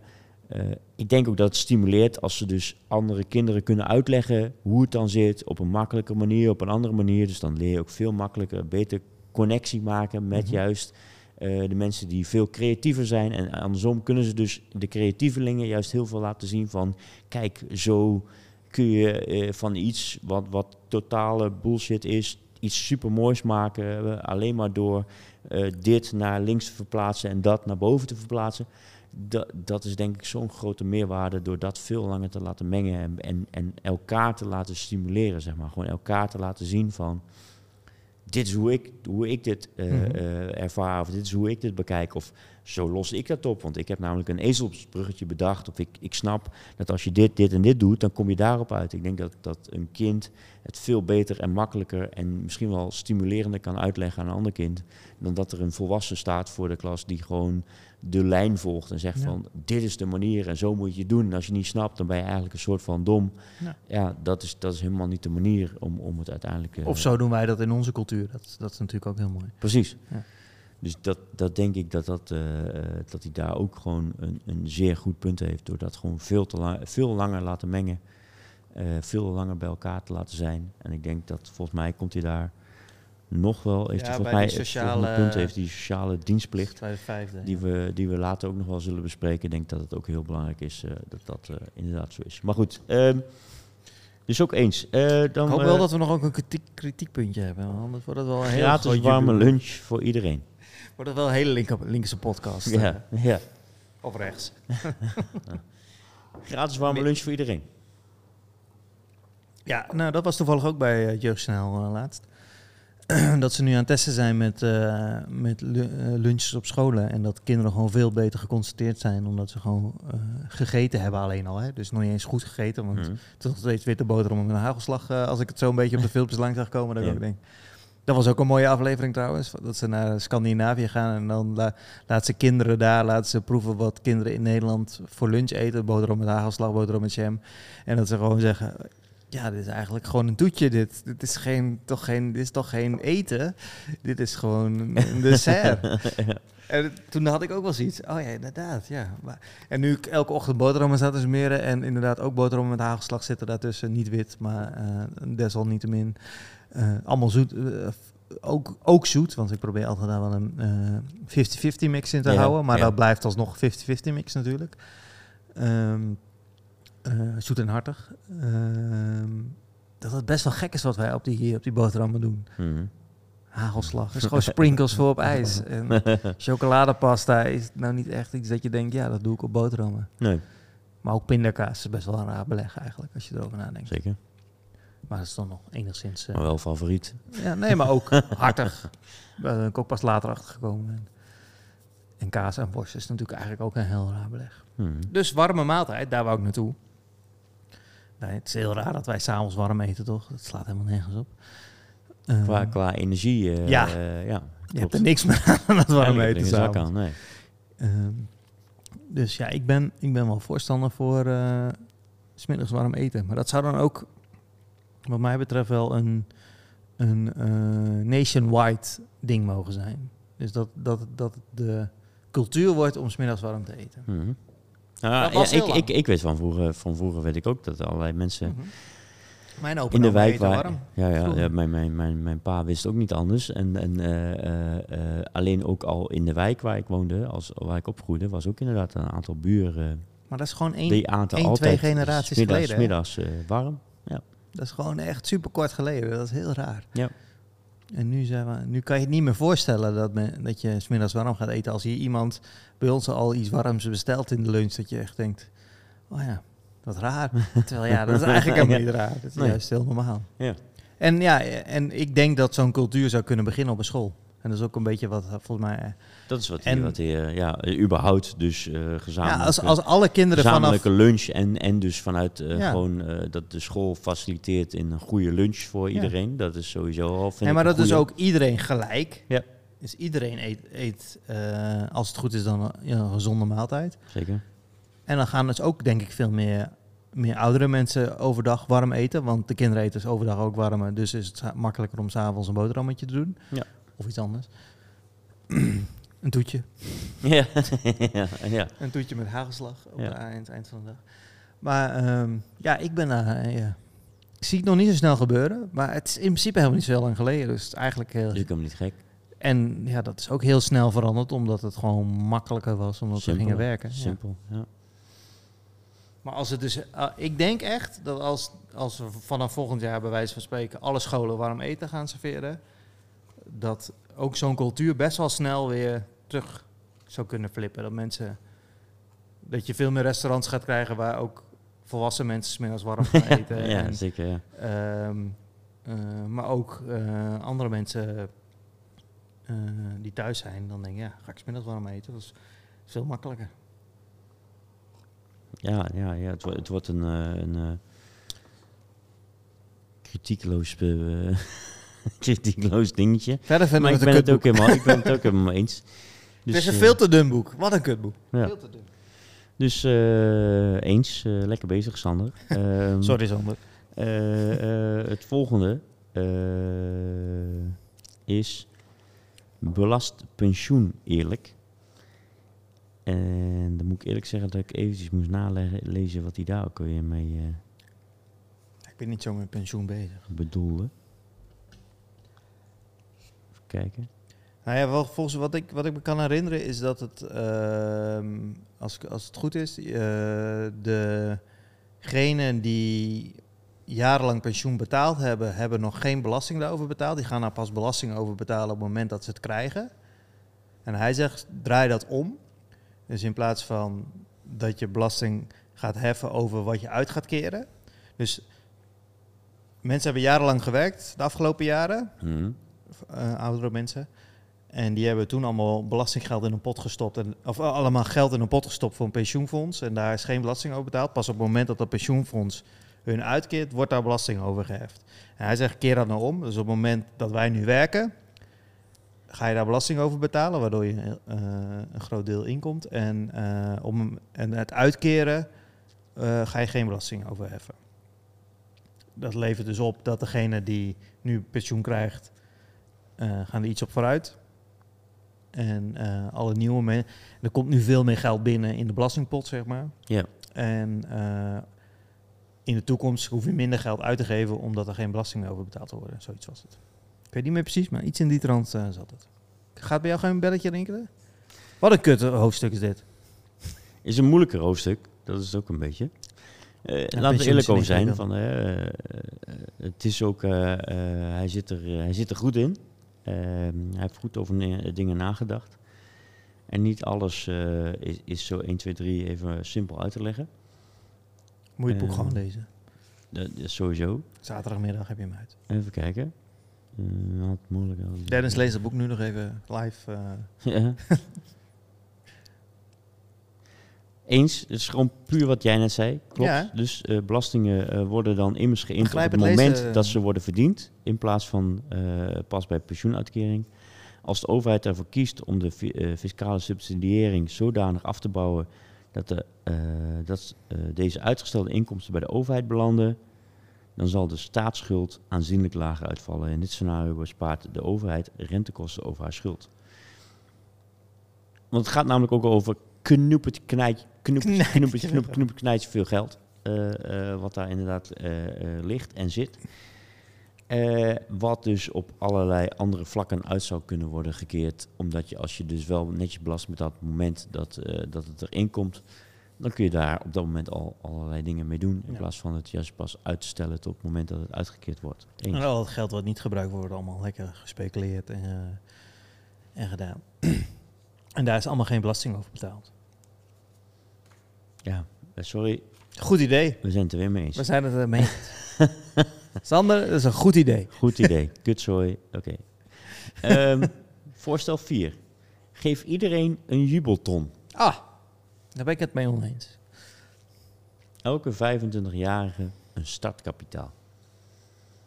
Ja, gratis geld. eh, hebben, we daar, hebben we die al een keer besproken? Die hebben we ook een keer besproken, ja. Nee, toch? Die hebben we nog niet besproken. Nee, Volgens mij wel eens besproken. Wel- aangehaald. Wel, eens gelezen, maar Ja. niet, niet besproken. ik heb hem al Heb jij hem ook al Ik gelezen? heb hem ook Oh. gelezen, ja. Nou, eh, we kunnen hem zo, eh, zo meenemen. Maar ehm, ja, ik ben daarvoor. Ja. Alleen dit is een iets ander voorbeeld. Het is meer inderdaad eh, om op het moment dat je... Het is eigenlijk heel gek dat op het moment dat je gaat starten, Mhm. dan heb je heel weinig geld. Ja. En op het moment dat je geen geld nodig hebt, dan krijg je altijd heel veel geld omdat je erft of wat dan ook. Of, ehm, dat is een beetje wat hij aanhaalt. Van ja, eigenlijk heb je meer aan een smak geld als je starter bent, dan dat je zo'n smak geld krijgt op het moment dat je eigenlijk al die schaapjes op het droog hebt en dan nog een keer smak geld eroverheen krijgt. Ja. Zoiets. En gelijk speelveld. Want er Mhm. zijn heel veel mensen die dus, wat we net ook al verder hebben, over Ja. erfbelasting of uit vermogen of uit eh, rijke papa's en mama's. Die krijgen al een startschot en die krijgen al gewoon eh, de, de, de financiële eh, zekerheid en achtervang. En die krijgen allemaal wel dat geld. En vervolgens zijn er genoeg mensen die dus daardoor op, op achterstand komen, omdat zij die rijke papa en mama niet hebben. En hij wil dat gewoon gelijk trekken. Hij zegt van iedereen krijgt gewoon een gelijk speelveld vanaf zijn 25ste. Hij, hij zet daar zelf ook kanttekeningen bij. Want die zegt van eh, oké, er moeten wel voorwaarden zijn. En waar geef je dat dan uit? En, en eh, wat doe je met dat geld? En ehm, wat ik een opmerkelijke vond, is dat ja, da- daar mag je bijvoorbeeld je studieschuld mee afbetalen. Ik denk van ja, hoezo zou je dan in godsnaam een studieschuld op, op kunnen bouwen als je al weet dat er een ton achteraan komt? eh, wat, wat heeft die studieschuld dan voor waarde? Maar goed, maakt niet uit. Eh, misschien als extra stok achter de deur van als je hem afrondt, dan is er geen schuld meer. Oké, prima. Zo is, is misschien wel een goede stok achter de deur, maar zou ik een mooiere vinden dan je hebt een ton eh, om dat mee eh, te vergoeden. Maar goed, dat, dat, dat terzijde. Ehm, hij probeert gewoon een radicale manier te vinden om echt gewoon een gelijk speelveld te creëren. Zo van, het is zo oneerlijk in, in hoe het inderdaad dan... En daar kan... Ik, ik denk, eh, hij, zet ook niet eens neer van... eh, die, die rijken zijn allemaal de schuld daarvan. Dat, dat zet hij helemaal niet neer. Het is gewoon van... Dit is nu eenmaal... Het wordt zo in stand gehouden omdat de regeltjes eenmaal zo zijn. Zo, zo loopt het speelveld nu. En ja, kutzooi dat je dus bent geboren met, met ouders die dat niet hebben. Of, of superveel geluk dat je met ouders bent geboren die dat wel hebben. En, en zo, zo gaat dat dus uiteen, denk ik. Dat, dat, dat, is, dat is wat hij probeert in extremis even recht te trekken. En hij probeert het op allerlei manieren, probeert hij dat dan te vergoeden en, en om, om betere voorzieningen te creëren, ja dan wel te nee. Dat is wat hij, eh, wat hij, wat hij probeert eh, te bewerkstelligen. En, en ja, dan zet hij een vrij radicaal, eh, best wel groot bedrag neer voor iedereen. Dat iedereen een, een soort van ton krijgt. Ja, dat is een flink bedrag wat je zo eventjes neerplompt bij iedereen. En nogal een verantwoordelijkheid voor iedereen om dat te krijgen. Dus ik zie dit meer als een radicaal en extreem voorbeeld om, om te zeggen van ik wil iedereen gelijk trekken. Ik, ik, weet niet of het één haalbaar is en twee wenselijk is om iedereen zomaar op zijn 25ste een ton te geven. Nou ja, hij, hij geeft duidelijk aan, je kan het in principe aan een huis, aan een studie of aan een, eh, Hmm. Dus er zitten wel echt restricties aan. Ik, dat bedoel ik meer van... het is eh, niet hij dat je een ton krijgt en ga maar lekker op vakantie. Helemaal eens, dus hij zet de restricties neer, maar dan, dan, dan, eh, eh, dan, dan, ja. Eh, eh, Dat doet de Belastingdienst nu ook, hè? Die jubelton kan je alleen maar daarvoor gebruiken. Ja, ik bedoel meer van, dit is een, eh, eh, mijns inziens het meest populistische voorstel van hem. Dat bedoel ik. Mhm. Wie is daar niet voor? Dat bedoel ik meer. Oh, zo, ja. Hij probeert een radicaal voorstel te zetten om het allemaal gelijk te trekken. Ja. Dat, dat is, dat is mijn inziens dit het meest radicale voorbeeld van. Nou, ik vind het wel een, een, een mooi idee. Een beetje in lijn van dat gratis geld, zeg maar. Mhm. Van, eh, hoe noem je dat nou? Ik vergeet altijd dat de, woord. ja, de basisinkomen. Basisinkomen, ja. Ja. Daar, daar, daar vind ik dit een, een, een mooi... Ja, maar dan zou je dus ook om een makkelijker draaien idee. dat dus basisinkomen is ingewikkeld. Dat de markt is doorgeslagen en dat je eigenlijk de markt moet terugdraaien en zeggen van eigenlijk moet gewoon hele basis, basisvoorzieningen gewoon op een hele andere manier geregeld worden. Ja. Dat is een andere kant van, je kunt wel zeggen, we geven je gewoon fucking veel geld om te zorgen dat je dat kunt betalen. Maar je kunt ook zeggen van, laten we het eens omdraaien en kijken hoe we het allemaal betaalbaar kunnen maken. Dus Ja. eh, laten we eens zorgen dat je weer voor 50.000 euro een huis kunt kopen. Dat, het- dat, het, dat het behapbaar is om daar überhaupt eh, eh, bij in de buurt te komen naar, naar- met een simpel eh, inkomen of met een, met een klein beetje eh, Ja, spaargeld. want makelaars gaan dan gelijk gewoon eh, alle huizen een ton duurder maken. Ja, Zo, Toch? ja, zo Ja, zijn makelaars. Want iedereen heeft. Ja, maar, ja, maar is toch zo? Want Ja. het is de ma ja, maar ook, ook, je kunt ook de, mark de makelaars allemaal boeven noemen. Maar zij Mhm. reageren net zoals wat Dat wij net doe ik. hadden over. Dat doe over- ik. Ja, ja. Nee, maar zij hadden net zo over wat net met aandelen. Gewoon als de gek het ervoor geeft, dan, dan, dan is dat het waard. Dus, dus eh, eh, het is ook zo. eh, ja, kan, kan de WOZ-waarde van mijn huis wel bepalen dat die 313 is.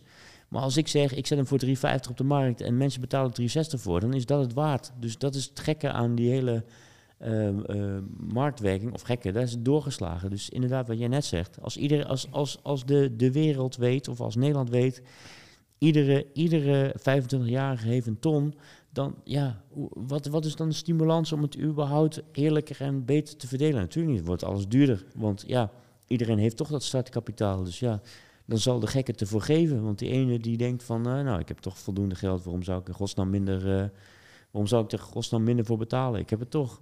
Ja. Ja, Eigenlijk een slecht idee. We hebben toch één slecht puntje gevonden in het boek. ja maar dat is toch, dat is toch de, de, dat is eigenlijk het falen van het kapitalisme, toch? Dat is toch Ja. gewoon, de, het slaat zo ver door dat, dat eh, om, om, om eh, al, alles moet maar aan de markt overgelaten worden en alles moet maar gewoon eh, veel geld en veel winst. Het gaat met name over winst maken, grote marges maken. ja, en dan het boekje ook, ja, is, ja, wat hoe heet het boekje nou? Het is van Lindbergh, inderdaad, het andere boekje. Zal ik het even googlen? Ja. We vragen even of onze assistent wil googlen. Ja, is, is echt super. eh, Ook een heel, heel interessant en relevant boekje. Waar dat ook gewoon in staat. Dat kapitalisme zorgt gewoon voor dat de winsten moeten steeds hoger worden. In plaats van de, de, het personeel moet er steeds meer van profiteren. Dat, dat is gewoon niet zo. De mensen die het werk doen om uiteindelijk die winst te creëren, eh, delen niet mee in die enorme winsten. Ja, is niet goed. Ik heb hem hier. Eh, ik werk al, ik krijg er alleen niet voor betaald. Precies. En daar heeft zij het dus over. eh, eh, er is tegenwoordig betaald werk en niet betaald werk. En eh, alleen het niet betaalde werk wordt, wordt als zorg gecategoriseerd. Huishouden, mantelzorg, Mhm. zorg voor de kinderen, dat soort dingen. Dat wordt nu gecategoriseerd als zijnde zorg. En Ja, maar dat is toch zo mooi aan Vroeger dat had je basisinkomen. betaald werk en niet betaald werk. En, Ja. en, en niet betaald werk was net zo relevant als, als... Maar dat heette allebei werk. En tegenwoordig noemen we dat werk. Dat is dus betaald werk. En zorg is niet betaald werk. Waardoor dus dat wordt allemaal voor lief genomen. En er is een periode geweest dat eh, ehm, eh, eh, zorg... Oké, dat, dat, dat viel ten deel aan de vrouw. Dat is op een gegeven moment dan eh, die kant op geschoven. En daardoor kreeg dus de arbeider iets meer betaald om ervoor te zorgen dat jij als arbeider het hele gezin zou kunnen betalen. Hè. Dat was dus toen het idee daarachter. Alleen het kapitalisme is steeds meer gaan profiteren van die vrouw is dat als rol op zich gaan, Gratis werk. gaan eh, pakken. En het is gratis werk geworden. Eh, eh, en zelfs zo erg gratis werk dat op, op een gegeven moment hebben ze dan deeltijdwerk bedacht. Zo van dan eh, kunnen we nog een beetje vergoeden, zodat dus het gezin toch nog overeind gehouden kan worden. Doordat de vrouw ook deeltijdwerk erbij doet. Dus het inkomen plus wat van het complete gezin. Alleen de zorg moest dus vervolgens overgenomen door andere partijen of door externe of door oppas of wat dan ook. Maar ook huishouden. Daar betalen we dus allemaal mensen zwart voor. Hè, dus gewoon, eh, eh, ik ben daar zelf ook een onderdeel van. Ik heb ook een eh, eens in de twee weken komt er een schoonmaakster van bij Ze ons thuis. luisteren mee. Ja, die komt gewoon bij ons thuis en die krijgt gewoon, die krijgt gewoon een, een paar euro's mee. Ja, ja. Maar, Hebben jullie niet gehoord? ja, maar dat is, dat is, dat is compleet, ja, die, die draagt geen BTW over af. Dus, dus dan, de, de hele maatschappij profiteert totaal niet van. Je maakt het hele systeem stuk. Zo. Nee, maar dat is toch, maar het- is zo krom dat dus, het klopt dus, zij neemt eigenlijk het onbetaalde eh, werk over, Betaald. betaald, Zonder, zonder dat het hele systeem daarvan zonder profiteert. dat wij systeem daarvan profiteren. Ja, en dat is dus, daar gaat het dus helemaal Daar gaat het mis. gaat kapot. Ja. En dat is dus het falen van het, eh, van het extreme kapitalisme waar we in eh, zakken. Dus ehm, ben geen eh eh, SP'er, maar ik ben wel voor allerlei nationaliseringen dat weer terugdraaien. Dat we het weer meer als, als zijnde geheel gaan doen. En dat het echt iedereen zijn mond moet dichthouden over eh, minder belasting betalen. Want dat is echt gewoon het laatste wat je moet doen. Ja. Waarvan, waarom denk je dat als je van België naar Nederland rijdt en je denkt, jezus, wat een hobbelweg ineens, dat, Geluidseffect. Belastingen. Belastingen. Je rijdt over belastingen. Ja. En als je naar buiten loopt en de lantaarnpalen doen het niet, dan weet je ook. Belastingen. Belastingen. Als ze het wel doen. Nou, als ze het niet doen, dan is het, gaat er iets niet goed. Die, die, eh, die, eh, die eh, diensten van de gemeente, die eh, allemaal met die, eh, met die schoonmaakwagens, de, alle wegen zo spik en span houden in Nederland. Belast. Belastingen. Ja. Dat zou meer, meer benaderd moeten worden. Ja. Van, besef je, dat betalen wij allemaal netjes omdat we belastingen afdragen. Daarom is het allemaal zo goed geregeld in Nederland. Tuurlijk gaan allemaal shit mis. Het is ik ben ik ben helemaal mee eens. Echt. En in sommige dingen slaan we compleet door in regelgeving. Daarom zijn die hele eh, toeslagenaffaire Mhm. en, de, en de Groningen shit. eh, Allemaal, klopt allemaal, regel zijn doorgeslagen. Maar er is toch zo potverdomme veel goed geregeld hier in dit land. Dat, eh, en dat komt allemaal omdat wij netjes belastingen afdragen. En dat het systeem eigenlijk Behalve in die zin... dan eh, jouw schoonmaker. Maar voor de rest, Maar dat we dat, het systeem in, in stand houden en, en ja, sociale zekerheden. Dat als je je baan verliest, kom je in de uitkering. En als je in de uitkering nog niet uitkomt, ben je in de bijstand, ben je nog steeds niet verloren. En je mag gewoon naar het ziekenhuis. En dan wordt het ook nog steeds gewoon voor je opgelost. Ook al betaal je niet netjes verzekeringen, zit nog steeds een sociale zekerheid onder je, onder je reet. Ga dan maar in Amerika wonen, dan weet je hoe slecht dat dan is. Dus ja, eh, eh, belastingen. belastingen. Leuker kunnen we niet maken. Wel makkelijk. ja. Oh, wat hebben wij toch eh, een positieve kijk op dit boekje. Nou, ik vond dit hoofdstuk een kut hoofdstuk. Ja. Ik denk dat we toch dit het kritische hoofdstuk was waar we tot nu toe eh, waar we het kritisch Ik denk dat we het kritisch zijn, kritisch Op zijn dit over, over, Over de, jubeltonnetje. de hoeveelheid. Ja. Eh, voorstel 5. Oh, zijn we daar al? Jazeker. We hebben, Ja, een klein boekje dit. eh. één, belaste winst uit vermogen en erfenissen, net zo zwaar als inkomen uit werk. Twee, hervorm het onderwijs. Drie, belast pensioen eerlijk. Vier, geef iedereen een jubelton. En vijf. En nummer vijf, voer een maatschappelijke diensttijd in voor iedereen. Ja, 100% mee eens. dat is duidelijk. Vanaf welke leeftijd? Na, na, na je veertigste. Nee. Zou je dat nu... 16, stel stel dat je, 16e. Nee, maar, ja, nee, maar dan kan je het invoeren, zeg maar. Dat je dat moet gaan doen. Volgens mij zegt hij 18. Volgens mij. eh, Ja, ik ben voor 16. Nou ja, maakt niet uit. Alle mensen die 18 zijn geweest of 16 zijn geweest, die zijn het daar natuurlijk mee eens dat we Mhm. dat moeten doen. Maar stel dat ze het vandaag zouden invoeren voor ons. Ja. En je zou dat moeten doen. Ik, ik, ik zie weinig bezwaren. Maatschappelijke dienstplicht betekent dat je dus een, een, een zorgtaak voor je Mhm. krijgt. Dus niet dat je in het leger moet, niet dat je... Dat Mag je, ook. Tenminste, in- Mag, nee, is een onderdeel. Nee, maar het is niet dat je moet. Het is Nee, niet nee. zo van je moet naar de lege kazerne, je moet daar in een kazerne gaan zitten. En Je, je, moet iets doen tot voor iets- de maatschappij. Je moet iets doen voor de maatschappij. ik en doe ik weet nog- streets. En jij, eh, Ik, ik, ik weet jij doet nog, podcasten. ja, ik, ik, ik weet nog dat ik eh, eh, in de middelbare schooltijd moest ik op een gegeven moment... Oh, Hallo. sorry. oranje- Juttes bitte. Oranje witte.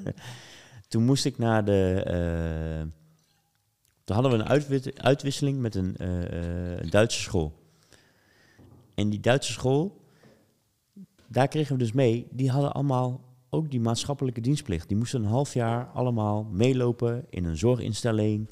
Of die moesten een bepaalde publieke taak doen. Of die moesten. de- en ik vond dat toen al dat ik dacht, dit is toch eigenlijk supergoed. Gewoon eh, eh, alleen al omdat je iets leert terug te geven aan de gemeenschap, aan het geheel.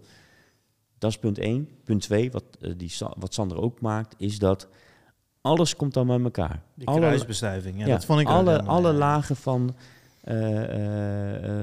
Als je, als je in het leger hebt gezeten samen met een Marokkaanse jongen... Ja. Die, eh, die in het leger gelijk is aan jou... precies. Of die nou heel veel geld heeft met zijn familie of heel weinig geld... of Ja. een bepaalde opvoeding heeft genoten, anders dan die van maakt, jou. dan, maakt dan geen zak meer Je uit. bent gelijk in die periode en je, je merkt dat je allebei een mens bent Precies. met dezelfde liefdesgevoelens, dezelfde alle, alle dingen die je in het leven tegenkomt. Emoties. Alleen ja. je hebt een andere opvoeding gehad dan, die- dan die ander. Ja. Begrijp je elkaar en ben je niet meer bang voor elkaar, zeg maar. En dat is wat, dat wat ik net ook al even zei, is dat wat op dit moment gewoon heel erg gaande is. Dat Precies. mensen gewoon bijna bang worden van mensen die ze niet kennen. Omdat ook niemand meer in verenigingen gaat. Niemand Mhm. gaat meer... Er zijn... Is bijna- Scholen zijn gewoon helemaal Ja, maar er zijn geen buurtverenigingen meer. Er zijn geen, hè, dus daar zitten alleen maar oude mensen zitten daarin. Eh, politieke partijen, wie wordt er in godsnaam lid van? Ook alleen maar oude vandaag die erin zitten. Bijna geen jonge aanwas. Eh, eh, wat ook heel slecht is trouwens, want als je überhaupt invloed wil hebben. Hè, dus als je zegt, ik vertrouw de politiek niet meer, want eh, eh, die programma's, ik kan me bij niemand mee aansluiten. Weet je wat je dan moet doen? Lid worden van een politieke partij, want dan kun je invloed uitoefenen op het programma van die politieke partij. Dat is dus de hele reden, eh, dat is ook, dat is het ultieme punt van een uiteindelijk invloed kunnen uitoefenen op de, op, de, op de rechtsgang. Dat je zegt van, ik word lid van een politieke partij, want dan kan ik invloed uitoefenen op het programma van die politieke partij. En die kan dan vervolgens, hopelijk de grootste worden, die dan daarmee ook weer mijn agenda kan doorpushen. Maar je kunt niet van de zijland blijven, blijven roepen en zeggen van, eh, ja, eh, ik ben het allemaal, ik ben het vertrouwen kwijtgeraakt en zo. Ja, word dan, ben je lid van de politieke partij? Nee. Nou, klaar. Volgende, volgende eh, persoon. Ja, dat hoor je nu heel veel, dat, men- dat je niet meer herkent in... Ja, Dan moet je lid worden van die, van die politieke partij. Want dan kun je het namelijk veranderen van, van dat punt. Maar goed. Eh, eh, eh, Je slaat rustig, rustig. ja, ja, ja, soms word ik een beetje... Maar, maar eh, eh, maatschappelijk dienstplicht, dienstplicht, ik ben echt, ik ben echt voor. En, en eh, wat mij betreft met terugwerkende kracht. Al zou het nu gewoon zijn dat ze zeggen... Dennis, jij moet volgend jaar, moet jij een half jaar... moet jij hier in het, in het verpleeghuis of wat dan ook... moet jij een jaar lang met die mensen meelopen... of een half jaar met liefde, echt. En ik, de, en ik, en ik zit er steeds vaker aan, aan te denken... om gewoon eens ergens naar binnen te lopen en zeggen... kun je me een halve dag gebruiken of zo? Kun je me een halve dag in de week ergens toepassen? En ik snap ook, het moeilijkste is nu ook dat er gebeurt heel veel. En dat die mensen ook denken van, je hebt de expertise niet en het is allemaal moeilijk. En dat snap ik wel. Snap ik ook. Dus het moet vanuit het systeem geregeld worden dat alle instellingen erop ge- ingericht zijn. Dat ze weten, er komen mensen ons helpen. En dat ze precies weten, deze taken zijn makkelijk over te geven aan die mensen. Die kunnen dat oplossen en die, en die verlichten ons in het werk. En dat is, dat is denk ik en noodzakelijk voor een überhaupt vergrijzende eh, eh, verzorgingsstaat waar we in zitten. En überhaupt inderdaad voor de saamhorigheid van nieuwe generaties die het met elkaar moeten gaan doen. En dat je uit je bubbel gaat. Ja. eh, 100%. Dus ja, Hoera, hoera, hoera voor het boekje van Sander. ja, ja, ja wel. Ja, ja En de brug. wel toch? En de brug. Hoe heet het? De brug? Sander en de brug. En de brug. Ja, Mooie brug, Sander. Ja, Prachtig. ja toch? Ja.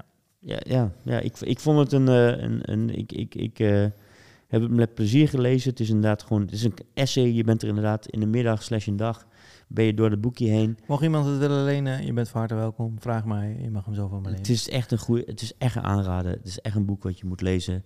Het zal je prikkelen, het zal je, eh, waar je niet mee eens bent. Nogmaals, waar, waar ik het in het begin over had. Het is een vergezicht. Eindelijk, eh, dit soort, dit soort dingen heb je eh, nodig. Eh, Ja, eigenlijk zegt zou je niet, dit, dit, moet morgen beginnen, maar Nee, die- dit dit, zou- moet nu over gepraat worden. ja, En, en, en dit zou meer politi politici, zou dit gewoon, dit soort dingen moeten vertellen. Gewoon aan het publiek van, van, dit is mijn visie, van ik hoop dat we over tien jaar daar staan.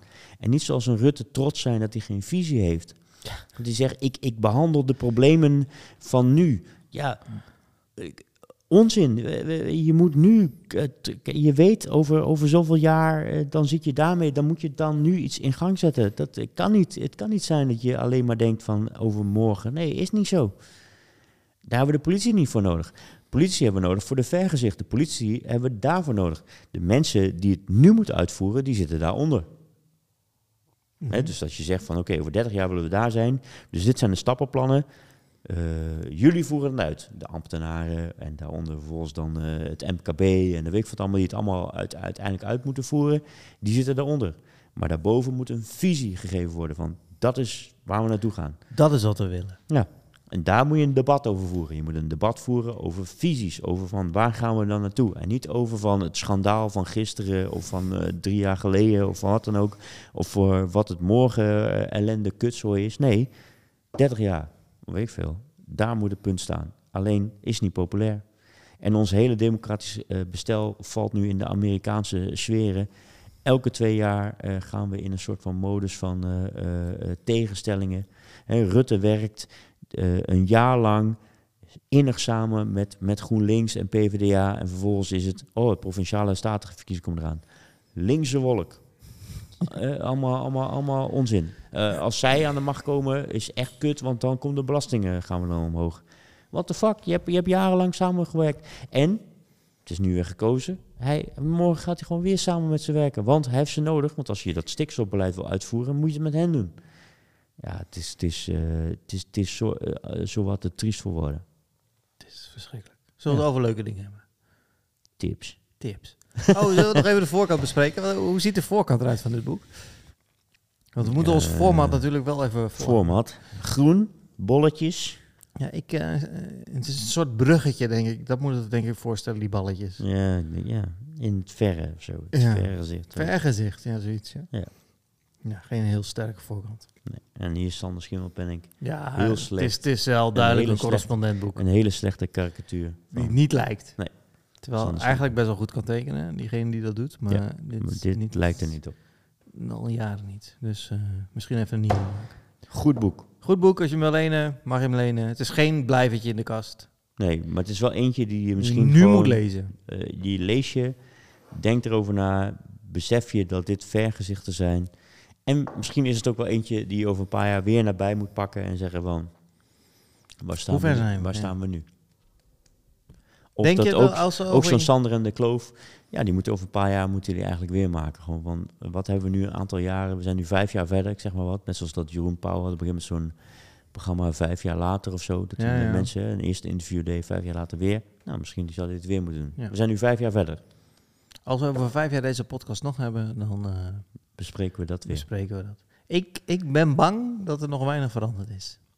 denk ik ook. Maar ik hoop, en hoop doet leven,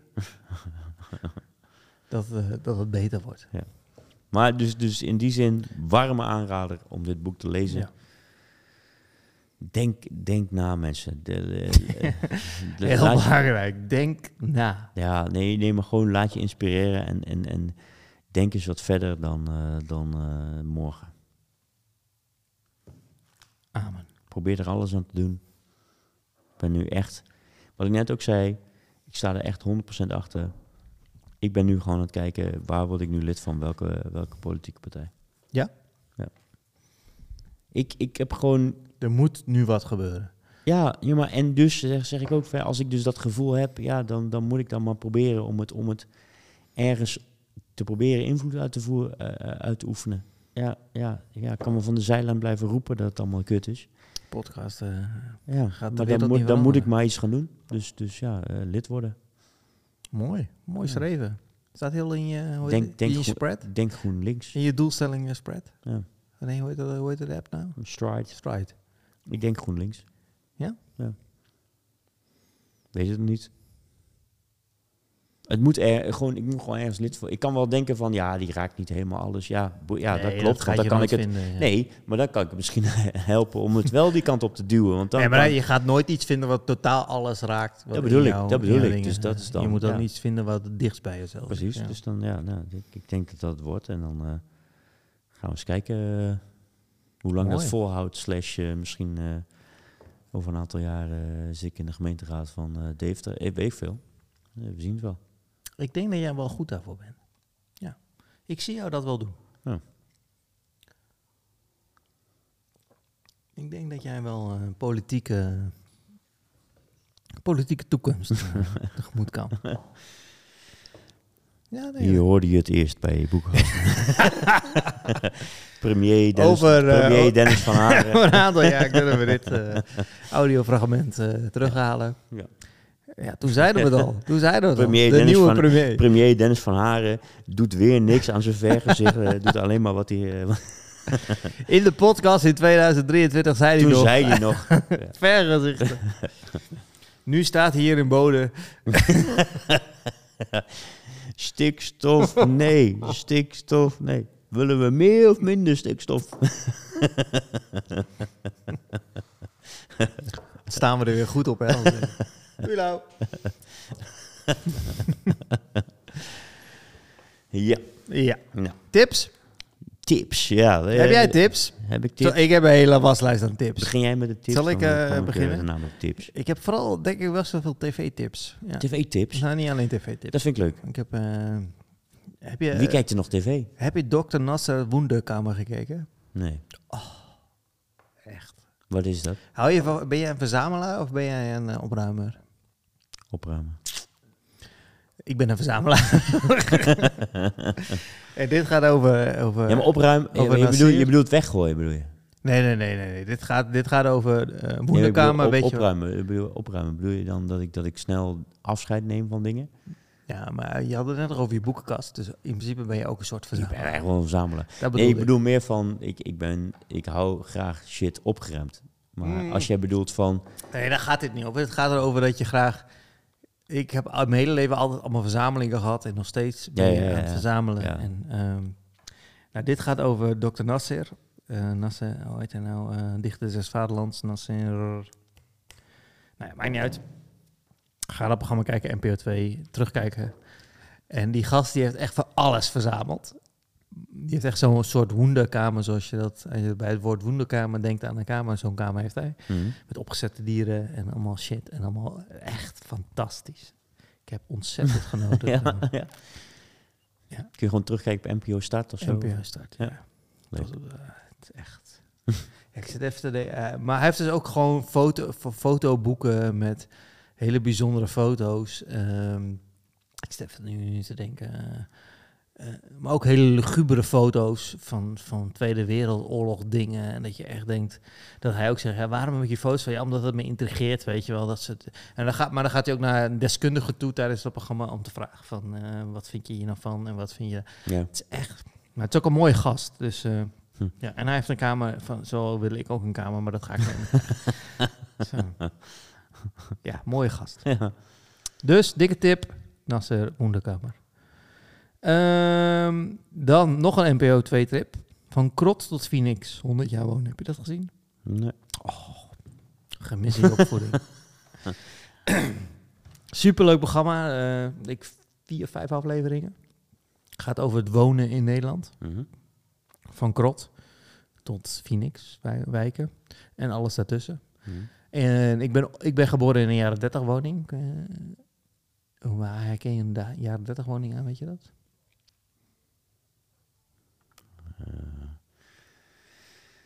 Ja, ik zal het je verklappen. Alle jaren 30 woningen hebben een soort overkappingje. Dat je droog kan staan als je er je voordeur in gaat, zeg maar. Maar ook het dak Heb ik ook. Ja. steekt een stukje uit. dan zie je, zie je houten latjes zo aan de onderkant. Ja, Ja, het heeft een bepaalde naam, ik kan even niet op de naam komen. En dan heb je zo dak, zeg maar. ja. Wat een chic uiterlijk heeft. Nou ja, dat soort dingen komen allemaal in die serie voorbij. ja. maar ook een portiekflat en dat soort dingen. Ik ben nu weer met stilistisch bezig met een aantal portiekflats.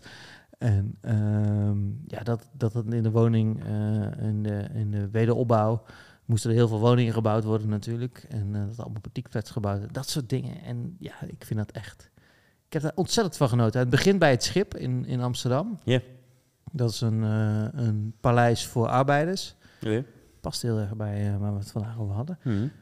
En ehm, ja, die fietstocht ga ik binnenkort met mijn moeder en mijn, en mijn, en mijn broer doen. En, Leuk. eh, ja, beurs van Berlage, een beetje Ja, die, ja, die ja, stijl, eh, ehm, die architectuur en dat soort dingen. Ja, echt. Een di- als je van, van, van, ja, hoe moet ik dat nou zeggen? Van leuke, het is niet echt een documentaire, maar meer een informatief programma wat leuk gedraaid is, zeg Ja. maar. En zij gaat dus ook logeren in zo'n huis om de presentatrice van eh Nieuwsuur is zij ook. Ik kan even niet op haar naam komen. Marielle, Marielle Tweebeke. Die, ja, Ja. zij doet dat. En eh, echt superleuk. Terugkijken op NPO 2. Klinkt goed. Heb je dat, start? Ja? Kan je dat? eh krot Ja, ja, tot ja, Phoenix. dat Dikke vette tip. Lekker. Dan zit ik ook eh, helemaal in de Nieuwe Vermeer. Heb je daar iets van meegekregen? Het is het jaar van Vermeer. Wel pre- eh, prequels.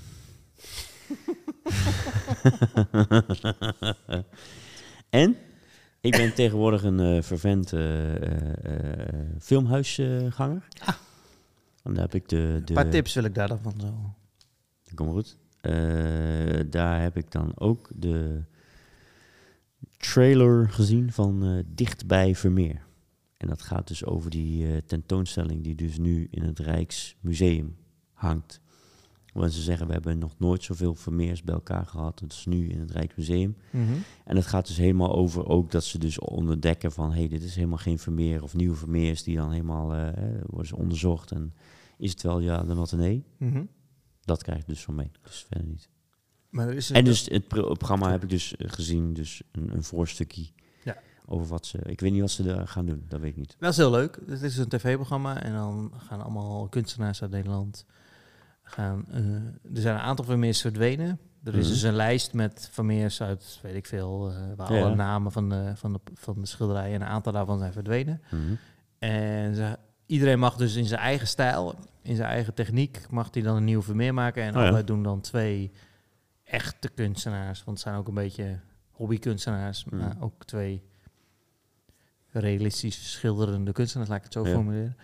Ehm, die, die dan die Vermeer gaan maken naar inzicht van hoe zij denken dat Vermeer dat schilderij gemaakt zou hebben. Wat dan bijvoorbeeld eh, het tweede straatje van Vermeer, geloof ik, even uit mijn hoofd. eh, zo is een titel van, van een van die schilderijen, maar niemand heeft dat schilderij ooit gezien. Nee. Maar er zijn wel andere schilderijen waar het straatje van Vermeer, er is nog een straatje van Vermeer.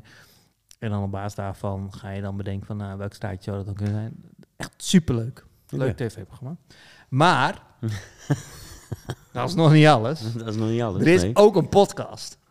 En als je een podcast, Dan, is het, dan heb je eh, mij, Dan hè? is het hip, hè? maar dit is dus echt heel erg leuk, deze podcast. Dit ik is, hou... wel, dit is wel erg heel leuk. Ik zal je ook vertellen waarom deze zo heel leuk is. Kijk, want eh, ik, ben, ik, ik hou van podcasts die een beetje gek zijn. Ook. Ja. Dus dit, is, dit format is echt super geniaal. Ja. Ze hebben namelijk bedacht, dus eh, in, de, in dat tv-programma gaan ze dus elke aflevering, gaan een stuk of, nou, zijn, 50 kunstenaars gaan op basis van het nieuwe stra- het, het tweede straatje van Vermeer, gaan zij een schilderij maken. Mhm. En die twee kunstenaars maken ook een schilderij. En dat is dan een tv-programma.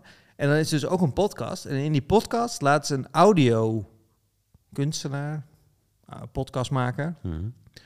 eh, ook aan de hand van zo'n schilderij een podcast maken. Dus de een doet dat in de, in de vorm van een... er zit ook een hele vage tussen. Ja. eh, Waarvan ik dacht, hmm, wel raar. Maar ook wel weer leuk. Omdat je dat niet gaat verwachten. En een andere die gaat echt helemaal... eh, er, is ook, er gaat ook één aflevering over gestolen schilderij. Dus daar is wel bekend van hoe die dat ding eruit ziet. Ja. Of heeft gezien en die is Mhm. gestolen. En die gaat dus helemaal op dat, op dat, op dat verhaal in van die gestolen, eh, gestolen Vermeer. En eh, die, die heeft dus ook een gesprek met een regisseur die... eh, nee, niet een regisseur. een, een politieagent die, die heel erg actief is om een kunstroven op te lossen. Mhm. En ook een boef waar hij mee samenwerkt, die, die ooit een keer een Van Gogh gejat heeft of zo. Die komt ook aan woord in, in, in die podcast. Superleuk. En een andere gaat weer juist helemaal verbeelden in een verhaal van hoe Vermeer dat, zou, hoe de, hoe Vermeer dat schilderij zou gemaakt hebben. Echt, echt superleuk. Zijn dus een stuk of vijf, zes afleveringen en alle zes zijn ze totaal verschillend. Omdat al die kunstenaars en al die Top. podcastmakers op hun eigen manier die eh, dat schilderij weergeven in een audio ding. Vet. Echt heel tof. Vraag je tussendoor. Kijk Had je ik dit- al gezegd dat het je- tof was? Ja. Kijk je dit lineair of, of, of, of eh, zie je dat op NPO staat? Ik, neem, ik ben een opnemer. Nee, maar ik bedoel meer van... eh, kijk je dan toch nog relatief veel lineaire tv... waardoor het je opvalt en je denkt... hé, hey, dat, dat wil ik graag zien? Of, of Nee, ik zie komt het het op, op, andere manieren ja, ik zie jou? het op social media langskomen precies, ja, en dan neem Ja. ik het op op tv. Ja, precies. Ja, ja. En ik, nee, ik kijk niet veel lineaire tv, denk ik. Niet. Nee, is gewoon een vraag. Gewoon puur omdat je Ja, dus ja. nu met mooie tips komt. Dat het, eh, ja.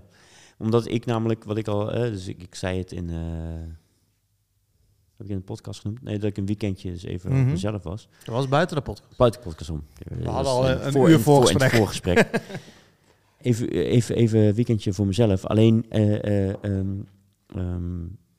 eh, wat wel grappig was, is dat ik had van tevoren bedacht, ik, neem waarschijnlijk mijn Chromecast mee.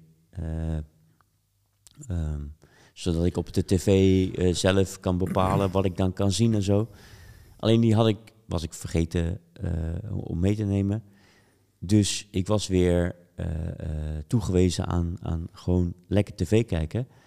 En daardoor kwam ik dus ook weer op allerlei dingen. En, en gewoon, gewoon op, op, op, eh, interessante documentaire op Ja, NPO 2. Of, ja, ja, of- een beetje of- zoals je of- radio luistert, dat je nieuwe muziek leert kennen. Dat mis ik nu een beetje. Ja. Ik, luister nu alleen maar Spotify. Ja. Dus je mist een beetje nieuwe... De- ja, precies. Nieuwe- de, nieuwe- die hoeken ingeduwd worden door een... Ja. En dat was dus nu ook met, met tv. En, en ja, daardoor heb ik ook hele slechte RTL 7 actiefilms gezien. Gewoon die je nooit op Spotify... Die zou ik nooit afkijken op Netflix. Nooit, nooit, nooit. Gewoon, misschien zou omdat hij op lineaire tv zou niet eens aanklikken, zeg maar. Ja. Maar gewoon puur omdat je denkt van, dit is gewoon een... Dit is een nu op de buis. ja, en het is gewoon eh, eh, een simpele actiefilm. En er zit dan toevallig zit daar Bruce Willis in of zo. Ja, en je denkt van, nou fuck, daar kijk het gewoon. En, en dan zit je gewoon 2,5 uur met pauzes, met allemaal van die reclames tussen. Zit je gewoon te kijken naar die film, terwijl je elke keer denkt, hoezo zit ik hier Dit zou ik nooit Nooit kijken op. Maar toch kijk je het dan uit en denk je, ja, prima, heb ik een vermaakje gehad voor, voor deze. En dan blijft toch ook, wat ik dan ook wel grappig vind, is dan vaak kijk ik dan toch even op Twitter of zo. En dan typ ik gewoon die in. En dan zijn er toch heel veel mensen daarna aan het kijken. En het voelt toch voor een soort van verbinding. Want op hetzelfde moment kijk je allemaal naar diezelfde kutfilm. En dat is toch Dus jij kijkt op Twitter film? Met een in de zin van, dan kijk ik eh, gewoon en denk van ja, wie kijkt, er, wie, kijkt 2. er, wie kijkt er nu ook, weet je wel? Wie kijkt nu ook naar deze shitzooi, zeg maar. En dan, en dan vervolgens denk ik, ja, ja, al deze mensen vinden het ook kut, weet je wel? Zo, of vinden het ook denken, Maar ik ben niet alleen. nou, en zo van, dit was nog redelijk, totdat die vervolgens ja, ja. Ook nog eens bleek dat zijn zus ook nog eens eh, daar, weet wel, weet je wel, zo, dat of, oh, toen was hij toch verliefd en toen was het toch zijn nichtje, weet je wel, dat, dat soort shit. Dat, dat je denkt van, ja, dus iedereen zit zich daarvoor op te vreten. Voelt meer verbinding dan, Als je Netflix uitzet, heb je dat minder. Ja. Dat mensen tegelijkertijd met jou dat aan het kijken zijn. voor je gevoel, zeg maar. Je denkt van, ja, je bent niet op dat moment, precies op dat moment, naar precies die film aan het kijken. Ja. Heb je niet veel. Nou, dat, die discussie had ik dus laatst ook met een collega van mij. Dat, eh, ik, heb de, ik heb de hele Star Wars shit gekeken. Ik ook, Disney. Dikke tip. zeker. Ik dacht dat ik vet veel gezien had. Ik heb bijna niks gezien. Ik was Op echt Disney is verbaasd. veel, is veel te zien. Ik was echt verbaasd over wat ik allemaal nog niet gezien had. Ja. Maar dat even terzijde. ook, echt, eh, ja. Echt. Kijken, allemaal. Ja. Ik, ik ben geen Star Wars mania, maar, ik, Nee joh, maar dit is maar gewoon... het is gewoon... Er is zoveel vette shit. En En het leuke van Disney is dat je het Ook allemaal serie- ook achter elkaar serie- ook kan die kijken. series die je allemaal Ja. over hebben gemaakt en die shorts. En Ja, je kan dus, ja, je kan dus, leuk. je kan dus, ik heb, ik heb ehm, het een beetje door elkaar heen zitten kijken en vervolgens heb ik het in chronologisch volgorde gekeken. Is ook leuk. Ja. Want dan loopt het verhaal dus echt mooi door. Ja. En eh, het is echt, dit- toen ik de eerste, dus eh, Star Wars 1 aan het kijken was, Mhm. echt één, dus niet vijf, maar één, Mhm. toch? Drie, vier, vijf. Nou, mij niet uit. Ja, dat is gewoon Phantom Menace, zeg maar. Dat is Ja. één, toch? Ja. ja. En dat het over de Skywalker gaat. Ik denk, Skywalker, hoe gaat dat nou? Maar Ja. goed, dat, dat wordt allemaal duidelijk. Mhm. En ehm, ja, nu eh, de Mandalorian. Mhm. Maar goed, dat, dat wilde ik aanhalen. Nu de Mandalorian. Er komt dus nu elke maand, of nee, elke week komt er dan een nieuwe aflevering online. Dat ik echt denk, ik, go- ik, ik, ik heb dus Netflix. Mhm. Het idee van Netflix is dat je iets aan kan zetten en zelf kan bepalen. Zeker. Ik wil nu nog een afleveringetje kijken. Mhm. Of nee, ik ga nu lekker naar bed. Stop. ja. Dat is mijn idee van Netflix. Mhm. Nee, wat denk Netflix? Ik ga elke, elke week ga ik een nieuwe aflevering online pleuren. Zeker. Dus nu moet ik een maand wachten. Of twee, drie maanden. Voordat alles erop staat. Voordat ik seizoen 3 van The Mandalorian kan kijken. Mhm. Ik haat het. Netflix, ik haat je. Wat vind jij daar nou van? Goed. Ja? Geduld Nee, nee, nee. nee. is goed. Kijk, als ik... Mensen moeten gewoon leren, gewoon weer een beetje geduld. Wachten. Nee, maar daar is, dus, daar is dus tv voor. Uitkijken, uitkijken naar iets TV, moois. TV is dus om De- elke kunnen, week Kunnen wachten uit tot- te zenden. ja. Maar Netflix is bedacht om in, in reek, reeks Ja. te kijken. Ik snap wel waarom ze het doen, want mijn collega heeft uitgelegd... ja, dan is er elke week reuring over The Mandalorian. Precies, En anders heb je één week reuring over Mandalorian en dan is het Precies. voorbij. eens. Ik snap dat wel, maar ik ben het er niet mee eens. Ja. Ik vind het kut. Ik denk dat het goed is voor de hele maatschappij. Ja, maar kijk, nu... Een stukje geduld. Nee, maar ik heb dus nu... Uitkijken naar een Ik- mooi moment. Ja, maar dat is hetzelfde. Dat zou je dus ook kunnen zeggen. Kijk, toen ik Star Wars 1 heb gekeken, of nummer 5 heb gekeken, 4, Ja. wat is het? Ja. De eerste Star Wars Mhm. in 1982. Wanneer kwam dat ding uit? Ja. Echt Star Wars, zullen we dat wel weten. Ik ben een nepper, zoals je hoort. Maar goed, Daar in de buurt, ja. ergens in die tijd. En dat je dan gaat zeggen, ja, ja, is toch leuk om nog 30 jaar te wachten voordat al die andere shit is uitgekomen. Nee, dat is niet leuk. Het is juist leuk dat je al die shit achter elkaar kan kijken. Dat is leuk. Maar goed. Weet ik niet. Ik eh, ben dus voor eh, series in één keer online. En Hetzelfde met albums. Dat is ook zo. Dat is nu ook zo'n trend. Dat mensen dan muziek gaan uitbrengen. En dan eerst Hmm. 30.000 singles. En dan al die 30.000 singles op een nieuw album knallen. En dan zeg ik, ik heb een nieuw album uit. En dan denk je, hé, nieuw album, leuk. Oh, dat zijn allemaal 30.000 singles die ik al ken. Ik kan daar niet tegen. Ik kan daar niet tegen. Ik vind het prima als je drie singles uitbrengt en dan je album. Maar eerst alles in single uitbrengen. Vervolgens dat een album noemen, is geen album. Eens? Eens. Daar ben ik wel mee eens. Er is nu wel weer echt een aantal hele goede nieuwe albums uit. Nieuw album van Styx is echt fantastisch. Moet Ja? je gaan luisteren. Hm. Echt heel goed album. Ook als album zijnde, zeg maar. Ik heb hem ook op vinyl is, besteld. Dat is, dat is bedoel ik het verschil tussen singles uitbrengen of een album uitbrengen wat past bij Ja. het geheel. Ja. Nieuwe album van Sef. Echt een album. Er staan ook een aantal singles op, maar dat past in het album. Nee, maar natuurlijk staan er altijd een aantal singles op. Ja, Dus. Eh, nog even twee kleine tipjes tussendoor. ja dat hoor ik. Ja. Eh, Stix en Sef, oké. Star Wars had ik al net gehad. Nieuwe Vermeer heb ik net Check gehad. check check. Daan Schuurmans, de podcast Walk, had ik net al even aangetipt. Van eh, eh, het verhaal van Nederland. Ja, ja, ja. ja. Die serie ken je, hè? ja, die ken ik, ja. Daar komt een, nieuwe, een nieuw seizoen van, heb ik gehoord. Leuk. Ik luister naar een andere podcast. De Moodfellas heb ik al, al een keertje getipt. Dave Ja. de podcast ook. Over series en, eh, Hmm. en eh, Stefan van de, Ja. van de Panini's. En dat was Olaf, via een buurt, buurtbewoner hier. En die, eh, die is bezig daarmee om daar nieuwe... Ik heb daar heel veel zin in. Mhm. Maar goed, die oude afleveringen zijn nu weer op tv. Tenminste, mijn, dat is het leuk als je opneemt. Dan komen ze opeens weer in je opnames omdat ze weer op tv zijn. Ja. En toen dacht ik, oh ja, er is ook nog een potwalk. En die potwalk is ook eentje in Deventer. Een potwalk, weet je wat dat is? Moet ik even uitleggen wat een potwalk is? Leg me even uit. Een potwalk is een combinatie van podcast en walk, lopen. Ik had wel eens iets verwacht. En eigenlijk is het dus gewoon een rondwandeling met Daan Schuurmans op je oren. Ken je Daan Schuurmans? Ja, je hebt wel eens eh, mindere mensen op je oren gehad. Het leuke is, dan eh, je downloadt die app. Oh shit, nou zijn al mijn. eh,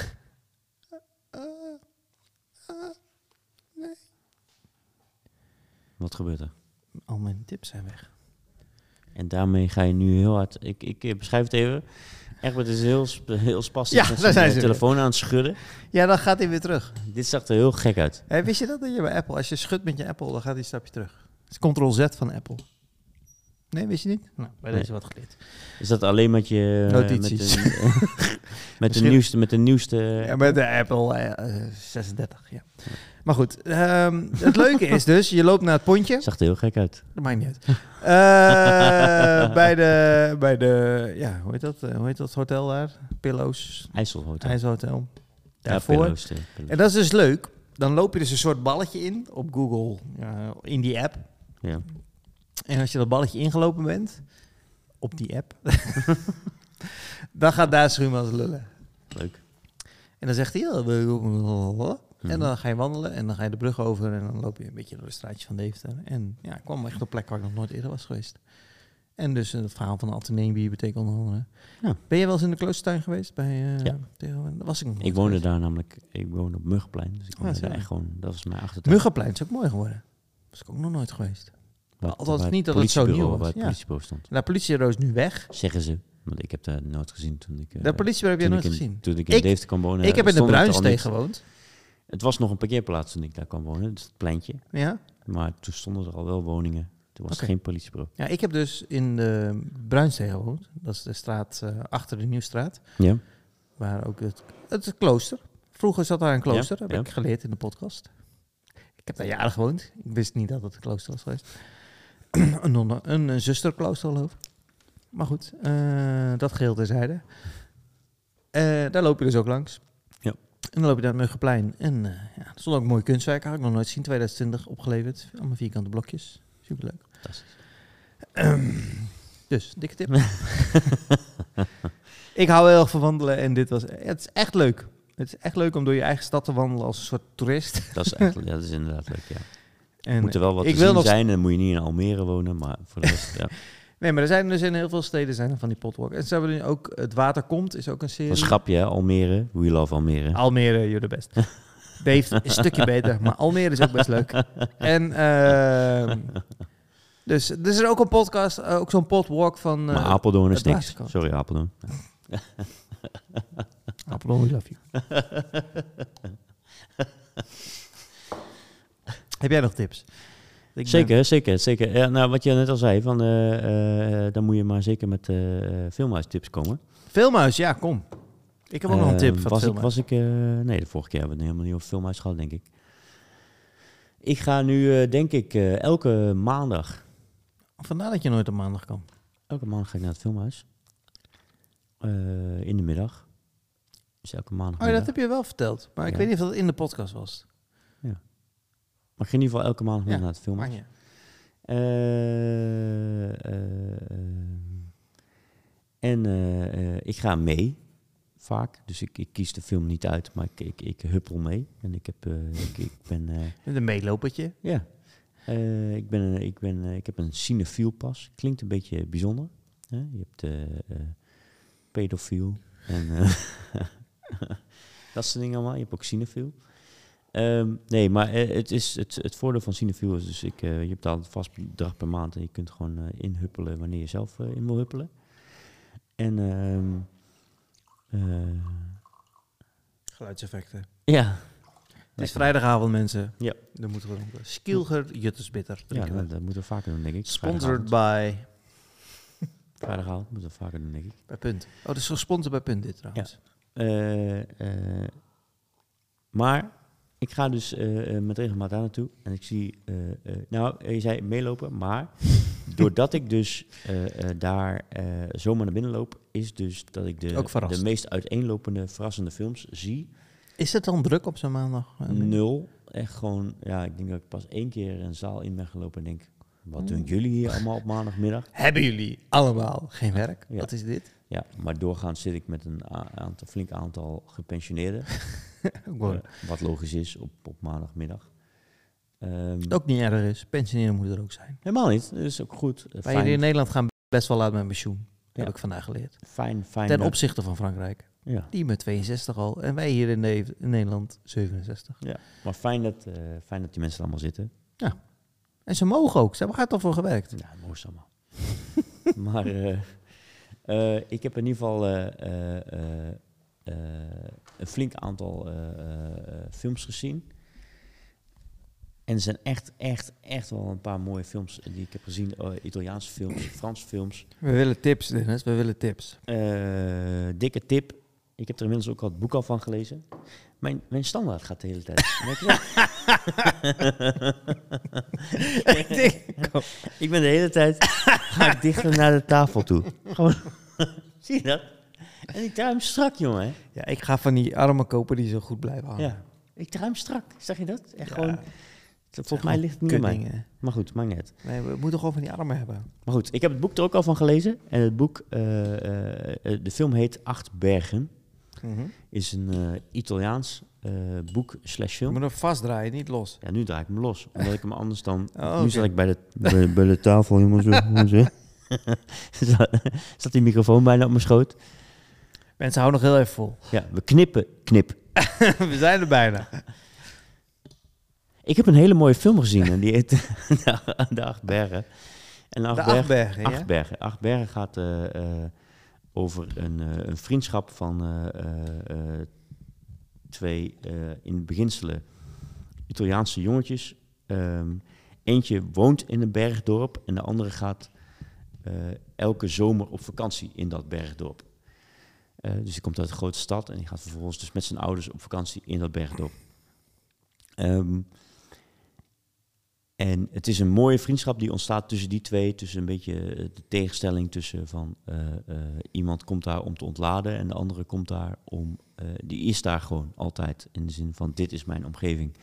Waarin tegenstellingen worden gezegd: oké, jullie noemen.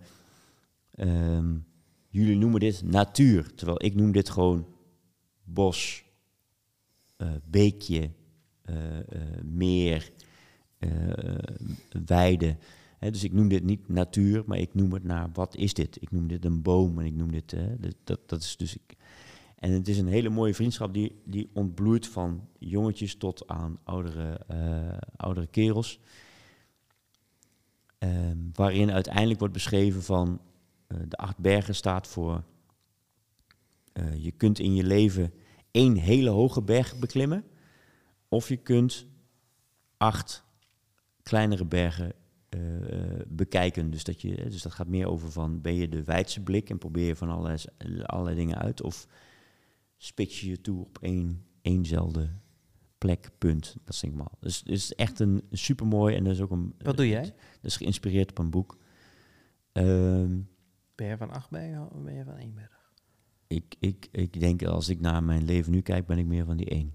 Ik ben meer van de 16 bergen, gok ik. Ik ben wel echt eh, een, een... Ik ben heel blij met wat ik nu heb, doe, slash hier allemaal. Dus ik, ik vind Deventer, vind ik een... Als ik hier mijn bubbeltje en mijn leuke leven eh, heb, is het al gauw goed. En ik probeer dat te maximaliseren, slash goed te doen. En ik heb gelukkig Marieke, die daar veel wijdser over denkt. En die juist, juist veel meer wil bekijken om haar heen en, en verder wil kijken. En, en ik ga wel met haar mee en ik geniet enorm van dat. Het is ook niet zo dat ik dat niet wil. Dus in die film gaat het ook echt over dat die ene die daar is opgegroeid op die berg, die wil er ook nooit meer vanaf. Zo van, hè, hij zegt ook, ik ben een, ik ben een Montanero, ik ben, ik ben, een, ik ben een bergbewoner. Dit, is- dit, is mijn, dit is mijn identiteit. Ik kom Mhm. nooit van deze berg af. Dat is niet zo. Het is niet zo dat ik, dat ik me helemaal vastzet hier en dit is het. Maar ik denk wel dat ik me meer daarmee kan identificeren dan met iemand die alles moet zien. Nou, ik weet niet of alle, maar zoals ik net in elk geval weer dat je acht bergen, Mhm. dus dat je wijder kijkt. Ja. Dus dat is wel, denk ik, dat ik, ik ben wel meer op dat ene. Maar het is, het is echt super mooi. Het is eh, Italiaans, eh eh Italiaans film? acht bergen. Acht bergen. Staat hij oh, op Netflix? eh, nee. Maar hij staat nu wel op. Een streamingsdienst. Ja, ik heb hem laatst voorbij zien komen. Hm. Disney? Weet ik niet zeker. Ga ik. Kan ik wel voor je opzoeken. Ik ook. Echt heel Dat mooi. zijn Eh, ik heb. Of, of je moet zoeken op Otto Montagne, maar dat is dan de, de, de eh, Italiaanse, Italiaanse naam. Nog Maar- meer eh, filmtips? Eh, ja, eh Presque, dat is een Franse film. Eh, gaat over. eh, eh, eh,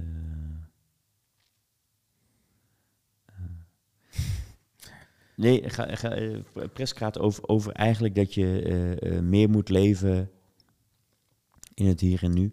En Mhm. niet over dat je het verleden continu als, als zware belast mee moet nemen. En dat heeft in een setting van dat een, een, een, een, een, een gehandicapte eh, eh, man, in ieder geval mentaal gehandicapt, dus, dus die heeft een, een, een, een hersenverlamming gehad met, met, eh, met zijn geboorte en eh, kan moeilijk praten en zo. Maar is knijtje slim, is gewoon iemand die, die alle filosofen kan opnoemen, van Dante tot eh, Nietzsche tot weet wat allemaal. En die raakt bevriend uiteindelijk met een begrafenisondernemer die helemaal klem zit in een scheiding en in een moeilijk stuk van zijn leven en, en zijn werk niet goed kan afsluiten en zo. En, en eigenlijk die man met die hersenverlamming leert hem te leven in de momenten van, ja, die is gewoon van, als de deur achter mij dicht gaat, dan is het klaar. Ga ik gewoon weer vooruit. Ehm, en, en als mensen achter mijn rug om praten, dan is het achter mijn rug, dan zie ik dat niet. Eh, dat is de, een beetje eh, moraal van het verhaal. Supermooi Frans film. En zo, zo loop ik dus, huppel ik in dat soort films en, en, en, en ervaar ik dat. Ik heb ook echt, echt een aantal hele slechte gezien. Hoor. Ik echt denk van ja, dit had, is eigenlijk een verspilling van de anderhalf uur die ik net, die ik net heb meegemaakt. Moet ook, is ook goed. Is ook goed. Is ook goed. Leer ik heb dan nog wel een tip voor leer, jou. leer je een beetje wat wel en niet. ja. Voor maandag eh 2 april komt hij uit. Dus maandag is het dan 3, 4 april. Moet je naar de bioscoop gaan. En dan koop je een kaartje voor Inside Out. Een film van een Deventer filmmaker. Renate. Isabella. Isabella Renate Laporte, moet ik zeggen. En ehm, ja, ik denk dat dat heel tof gaat worden. En eh, zij gaat op zoek naar of zij ehm, autistisch is. Ik, ik denk dat het een hele toffe documentaire is. Oké, Dus dikke tip. oké. Ga erheen. Ja, Volgens mij tof. draait hij dus vanaf 2 april is de première daarvan. En ehm, dus maandag, als jij maandag altijd gaat, die week daarna draait hij volgens mij ook nog Ja, in, nou. eh, in Munich. Tof. Dikke Ja, maar dus, dus nogmaals, ja, ik, ik, eh, ik ben, ik ben, eh, mijn ogen is, zijn geopend voor, voor filmhuis. En voor, ja, vroeger vond ik het stoffig. Mijn moeder ging, ging vaak naar het filmhuis in, in Zevenaar. En ik vond het altijd wat... wat kwam ze heel stoffig van thuis. Ja, nou ja, ja, ook als ik ben eens mee geweest en dan zitten dan toch de dames eh, wat, wat eh, tegen, tegen de eh, eh, 60 aan. Die zitten dan allemaal in die filmhuiszaal en die, en die vinden het allemaal cultureel super mooi. En nu zie ik dat en denk, ja, die- hier worden gewoon echt hele mooie films gemaakt. Is het niet dat, dat standaard schieten, tieten, helikopter, wat er in, in de VU hier in Deventer wordt getoond, maar diepgang waar je over na, waar je over na kunt denken, super mooie beelden. En ik heb ook wel nu een zwak gekregen voor anders dan Engels. Is ook echt wel iets, iets, iets Moet iets moois. gefocuster iets lezen. maar, maar, eh, ik- echt wel iets moois. Italiaans, eh, Frans, ik, Koreaans gezien, Fins. Ja, echt wel heel tof. Gewoon echt heel mooi. Ja. Mooi. Dus dat is eh, zeker mijn dikke tip, aanbeveling. Ga naar het filmhuis. Nog andere tips?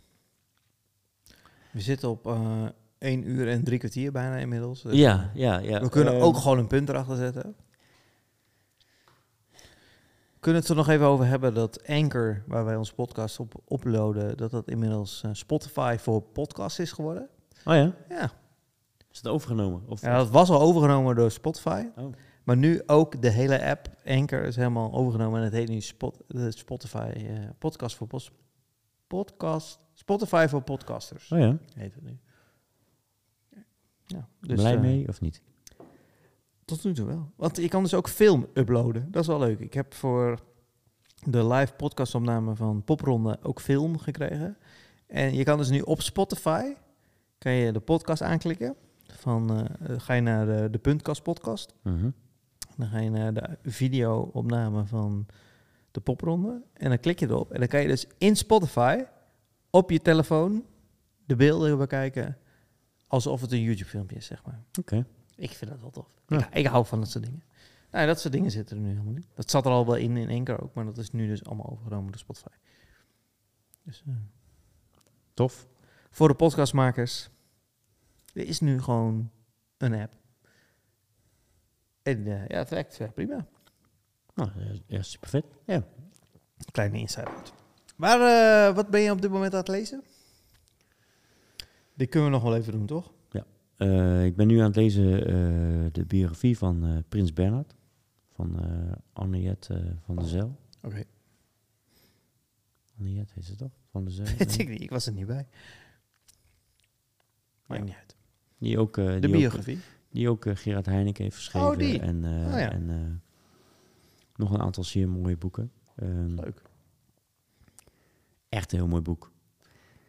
Ik vind haar, haar kracht is gewoon dat ze de setting heel goed Ja. neerzet. Gewoon eh, het totaalbeeld van, de, eh, van, van die Is tijd. het net zo'n dik boekje ongeveer? Of is het, eh, Ja, 300, nee, het is wel iets dikker, 300 Oké. pagina's denk ik. Maar eh, het zet gewoon totale tijdbeeld neer van... Hè, eh, Mensen, van, van- dat Heineken boek. Ja, Gerard tof. Heineken is echt Toch? een heel Super boek, vet. ja. En dit boek moet je ook echt lezen. Ik raad het je aan. Eh, het is een mooi geschiedenisverhaal. Want namelijk Bernhard is opgegroeid... Is, is, is, is eh, eh, opgegroeid in de tijd van dat Duitsland... eh, van rondom 1900... En laat gewoon helemaal mooi zien. Duitsland voor 1900 tot aan 1912, vervolgens die, of eh, 1913, tot vervolgens de, de Eerste Wereldoorlog ingaat van 1914 tot 1918. Vervolgens daartussendoor rommelt hoe is Prins Bernhard überhaupt aan zijn prinselijke titel gekomen. Vervolgens naar Nederland toegekomen, Tweede Wereldoorlog. Eh, het zijn jaren daarna als, als zijn een soort van rockster slash rockenjager. Eh, eh, ja, het is echt... Het mooie is gewoon het tijdsbeeld daaromheen zetten. Gewoon puur ah, meer meenemen dan ik ben een biograaf van die persoon. En ik beschrijf alleen maar zijn of haar bewegingen door die tijd. Nee, ze zet het super mooi in de, in de geschiedenis. Dus super tof boek. Ik heb Lego echt bijna uit. Ik denk dat er wel drie bladzijden moet. Ja. Dan heb ik Lego uit. Ik heb eh, Volle Zalen gelezen. Ook een heel leuk boek. Gaat over eh, hoe je zalen vol krijgt. Ja, vind ik leuk. En ehm welk boek ben ik nog meer aan het lezen? Ik heb Jay-Z gekocht. Heb ik nog niet in begonnen. Ik heb Hef gekocht. Heb ik nog niet in begonnen. Hoe? Het boek van Hef, een rapper. Oh, ik dacht Hugh, Hugh Hefner. nee, nee. The Hef. Dus eh, ja, dat, eh, dat is wat ik... eh, ik ga even kijken. welke ik dan nu nog vergeet. Ik vergeet er nog eentje volgens mij. Nee. Ja. Ja. Oh. Nu aan het lezen? Wat ben ik nu aan het lezen?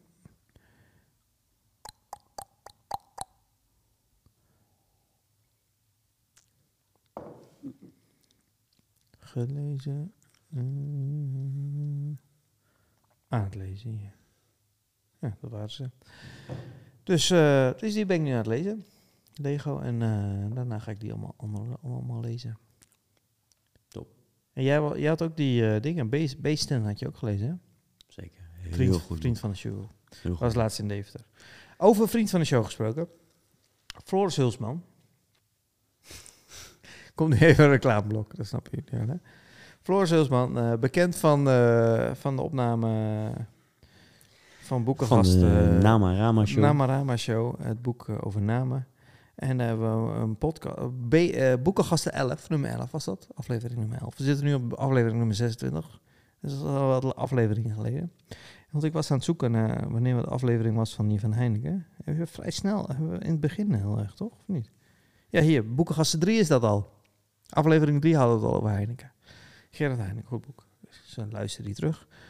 Eh, maar ehm, Floris Hulsman, een vriend van de show, eh, is hier binnenkort de gast in Punt. Doen we een podcasters live, mijn nieuwe event hier in Punt. Proberen we nee, Deventer en omstreken podcastmakers een podium te bieden om eh, live een podcast op te nemen en met publiek erbij. En ik heb er zelf eentje opgenomen met uh, Team Migelo. Luister die terug, podcast.dgd. En de popronde heeft hij dus een podcast opgenomen. Die kan je dus terugkijken en luisteren op de Puntkast pun- eh, podcast. En mijn allereerste live podcast was toen ik mijn boekpresentatie deed. Maar eh, dat eh, was een testje eigenlijk. En dus de vierde is met de Namarama Show. 31 maart, volgende week vrijdag op dit moment. En ehm, daar kan je bij zijn. Vooraf kan je dineren hier bij Punt. En om 8 uur beginnen we met de live-opname. En hij heeft een hele toffe gast. Stuntacteur. eh die naam had ik natuurlijk present moeten hebben, maar die heb ik natuurlijk niet. Maar ik heb hier wel wat. eh, Willem de Beukelaar. Heeft de Gouden Kalf gewonnen. Niet tenminste 500 films heeft hij stunts voor gedaan. Ik denk een hele toffe, toffe gast. En het leuke is, Floris heeft een, eh, een script geschreven en hij is daar een film van aan het maken. Dus daar zullen ze het vast ook over hebben. Dus mocht je volgende week vrijdag tijd hebben, Dennis, ik zou zeker langskomen. Wordt erg leuk, live podcast opname hier in Punt. En eh, wij zijn ook een beetje aan het plannen tussen de regels door om eh, ook een live podcast hier op te nemen van de boekengasten. Met een leuke gast. Daar kan je dan bij zijn. Maar nog geen datum. Komt binnenkort. 1 uur en 50 minuten. Zullen we gewoon op de stopknop drukken? Of wil je nog iets toevoegen? Ik denk dat het goed is, want mijn microfoon ligt bijna weer op schoot. dus ik denk dat het goed is. Ik denk dat we af, dat we af Mensen, Doe nog even een donatie op eh petjeaf.nl. Nee, eh, eh, vriend van de show. Vriend kunnen wij fatsoenlijke dan kunnen we microfoonstandaarden kopen. standaard bestellen, want dit is, eh Dit is, Dennis om zakt langzaam naar de grond. om te huilen. Ja, Maar, waarom. Het is best een dure standaard, maar Ja. niet wat we willen. Nee, We willen van die, ja. Ja. Ik ga ze bestellen, Dennis. dus. Ik hoop Ehm, de volgende keer als we opnemen dat ik nieuwe standaards heb. ja, maar ik, ik- ja, de vorige keer was het niet zo. Dus Van al die of, lieve vaste, vaste luisteraars. of ik loop te prutsen, kan ook. Maar, eh resume, eh, enorm bedankt eh, voor het luisteren wederom. Bedankt aan onze vaste gasten, eh, mensen die eh, eh, geld overmaken voor deze enorm inspirerende podcast. Hoera voor jullie. Ja, zeer blij mee. Super tof. Daardoor lezen we nog steeds heel veel leuke boeken. Wat we ook nog steeds moeten doen. We beloven het steeds. We hebben een aantal boeken opgestuurd gekregen. Gaan we- die moeten we gaan we echt lezen slag, en ja. iets mee moeten doen. gaan we nog steeds doen. Ehm, Stuur je boek op. Dan Ja. pakken we die ook mee. stuur, ja, stuur je boek op. eh, dan zullen we daar volgend jaar iets mee doen. En maar in ieder geval, eh, enorm bedankt. Ook leuk dat je nu nog steeds luistert naar 1 uur en 51 minuten. Belachelijk. We zijn enorm, eh, enorm te trots en, op, op het luisteraantal. hartstikke tof, hartstikke fijn. Volg ons op de gram. Volg ons op de gram. At Boekengasten. yes. Op eh, Habban. En Hebban en www.boekengasten.nl at Egbert. eh EPG. eh, Op de Twitter. Oh nee, op de Insta. op de Insta. in- op de Instagram en at Dennis van Herren. at, Op de Twitter. Twitter. Als je ook een film aan het kijken bent. Ik, ik, ik, heb mijn eh, afgemeld voor Twitter, maar ik ben toch weer terug. www. Dus, Back on Twitter. Dus super tof, dankjewel en eh Slaap lekker.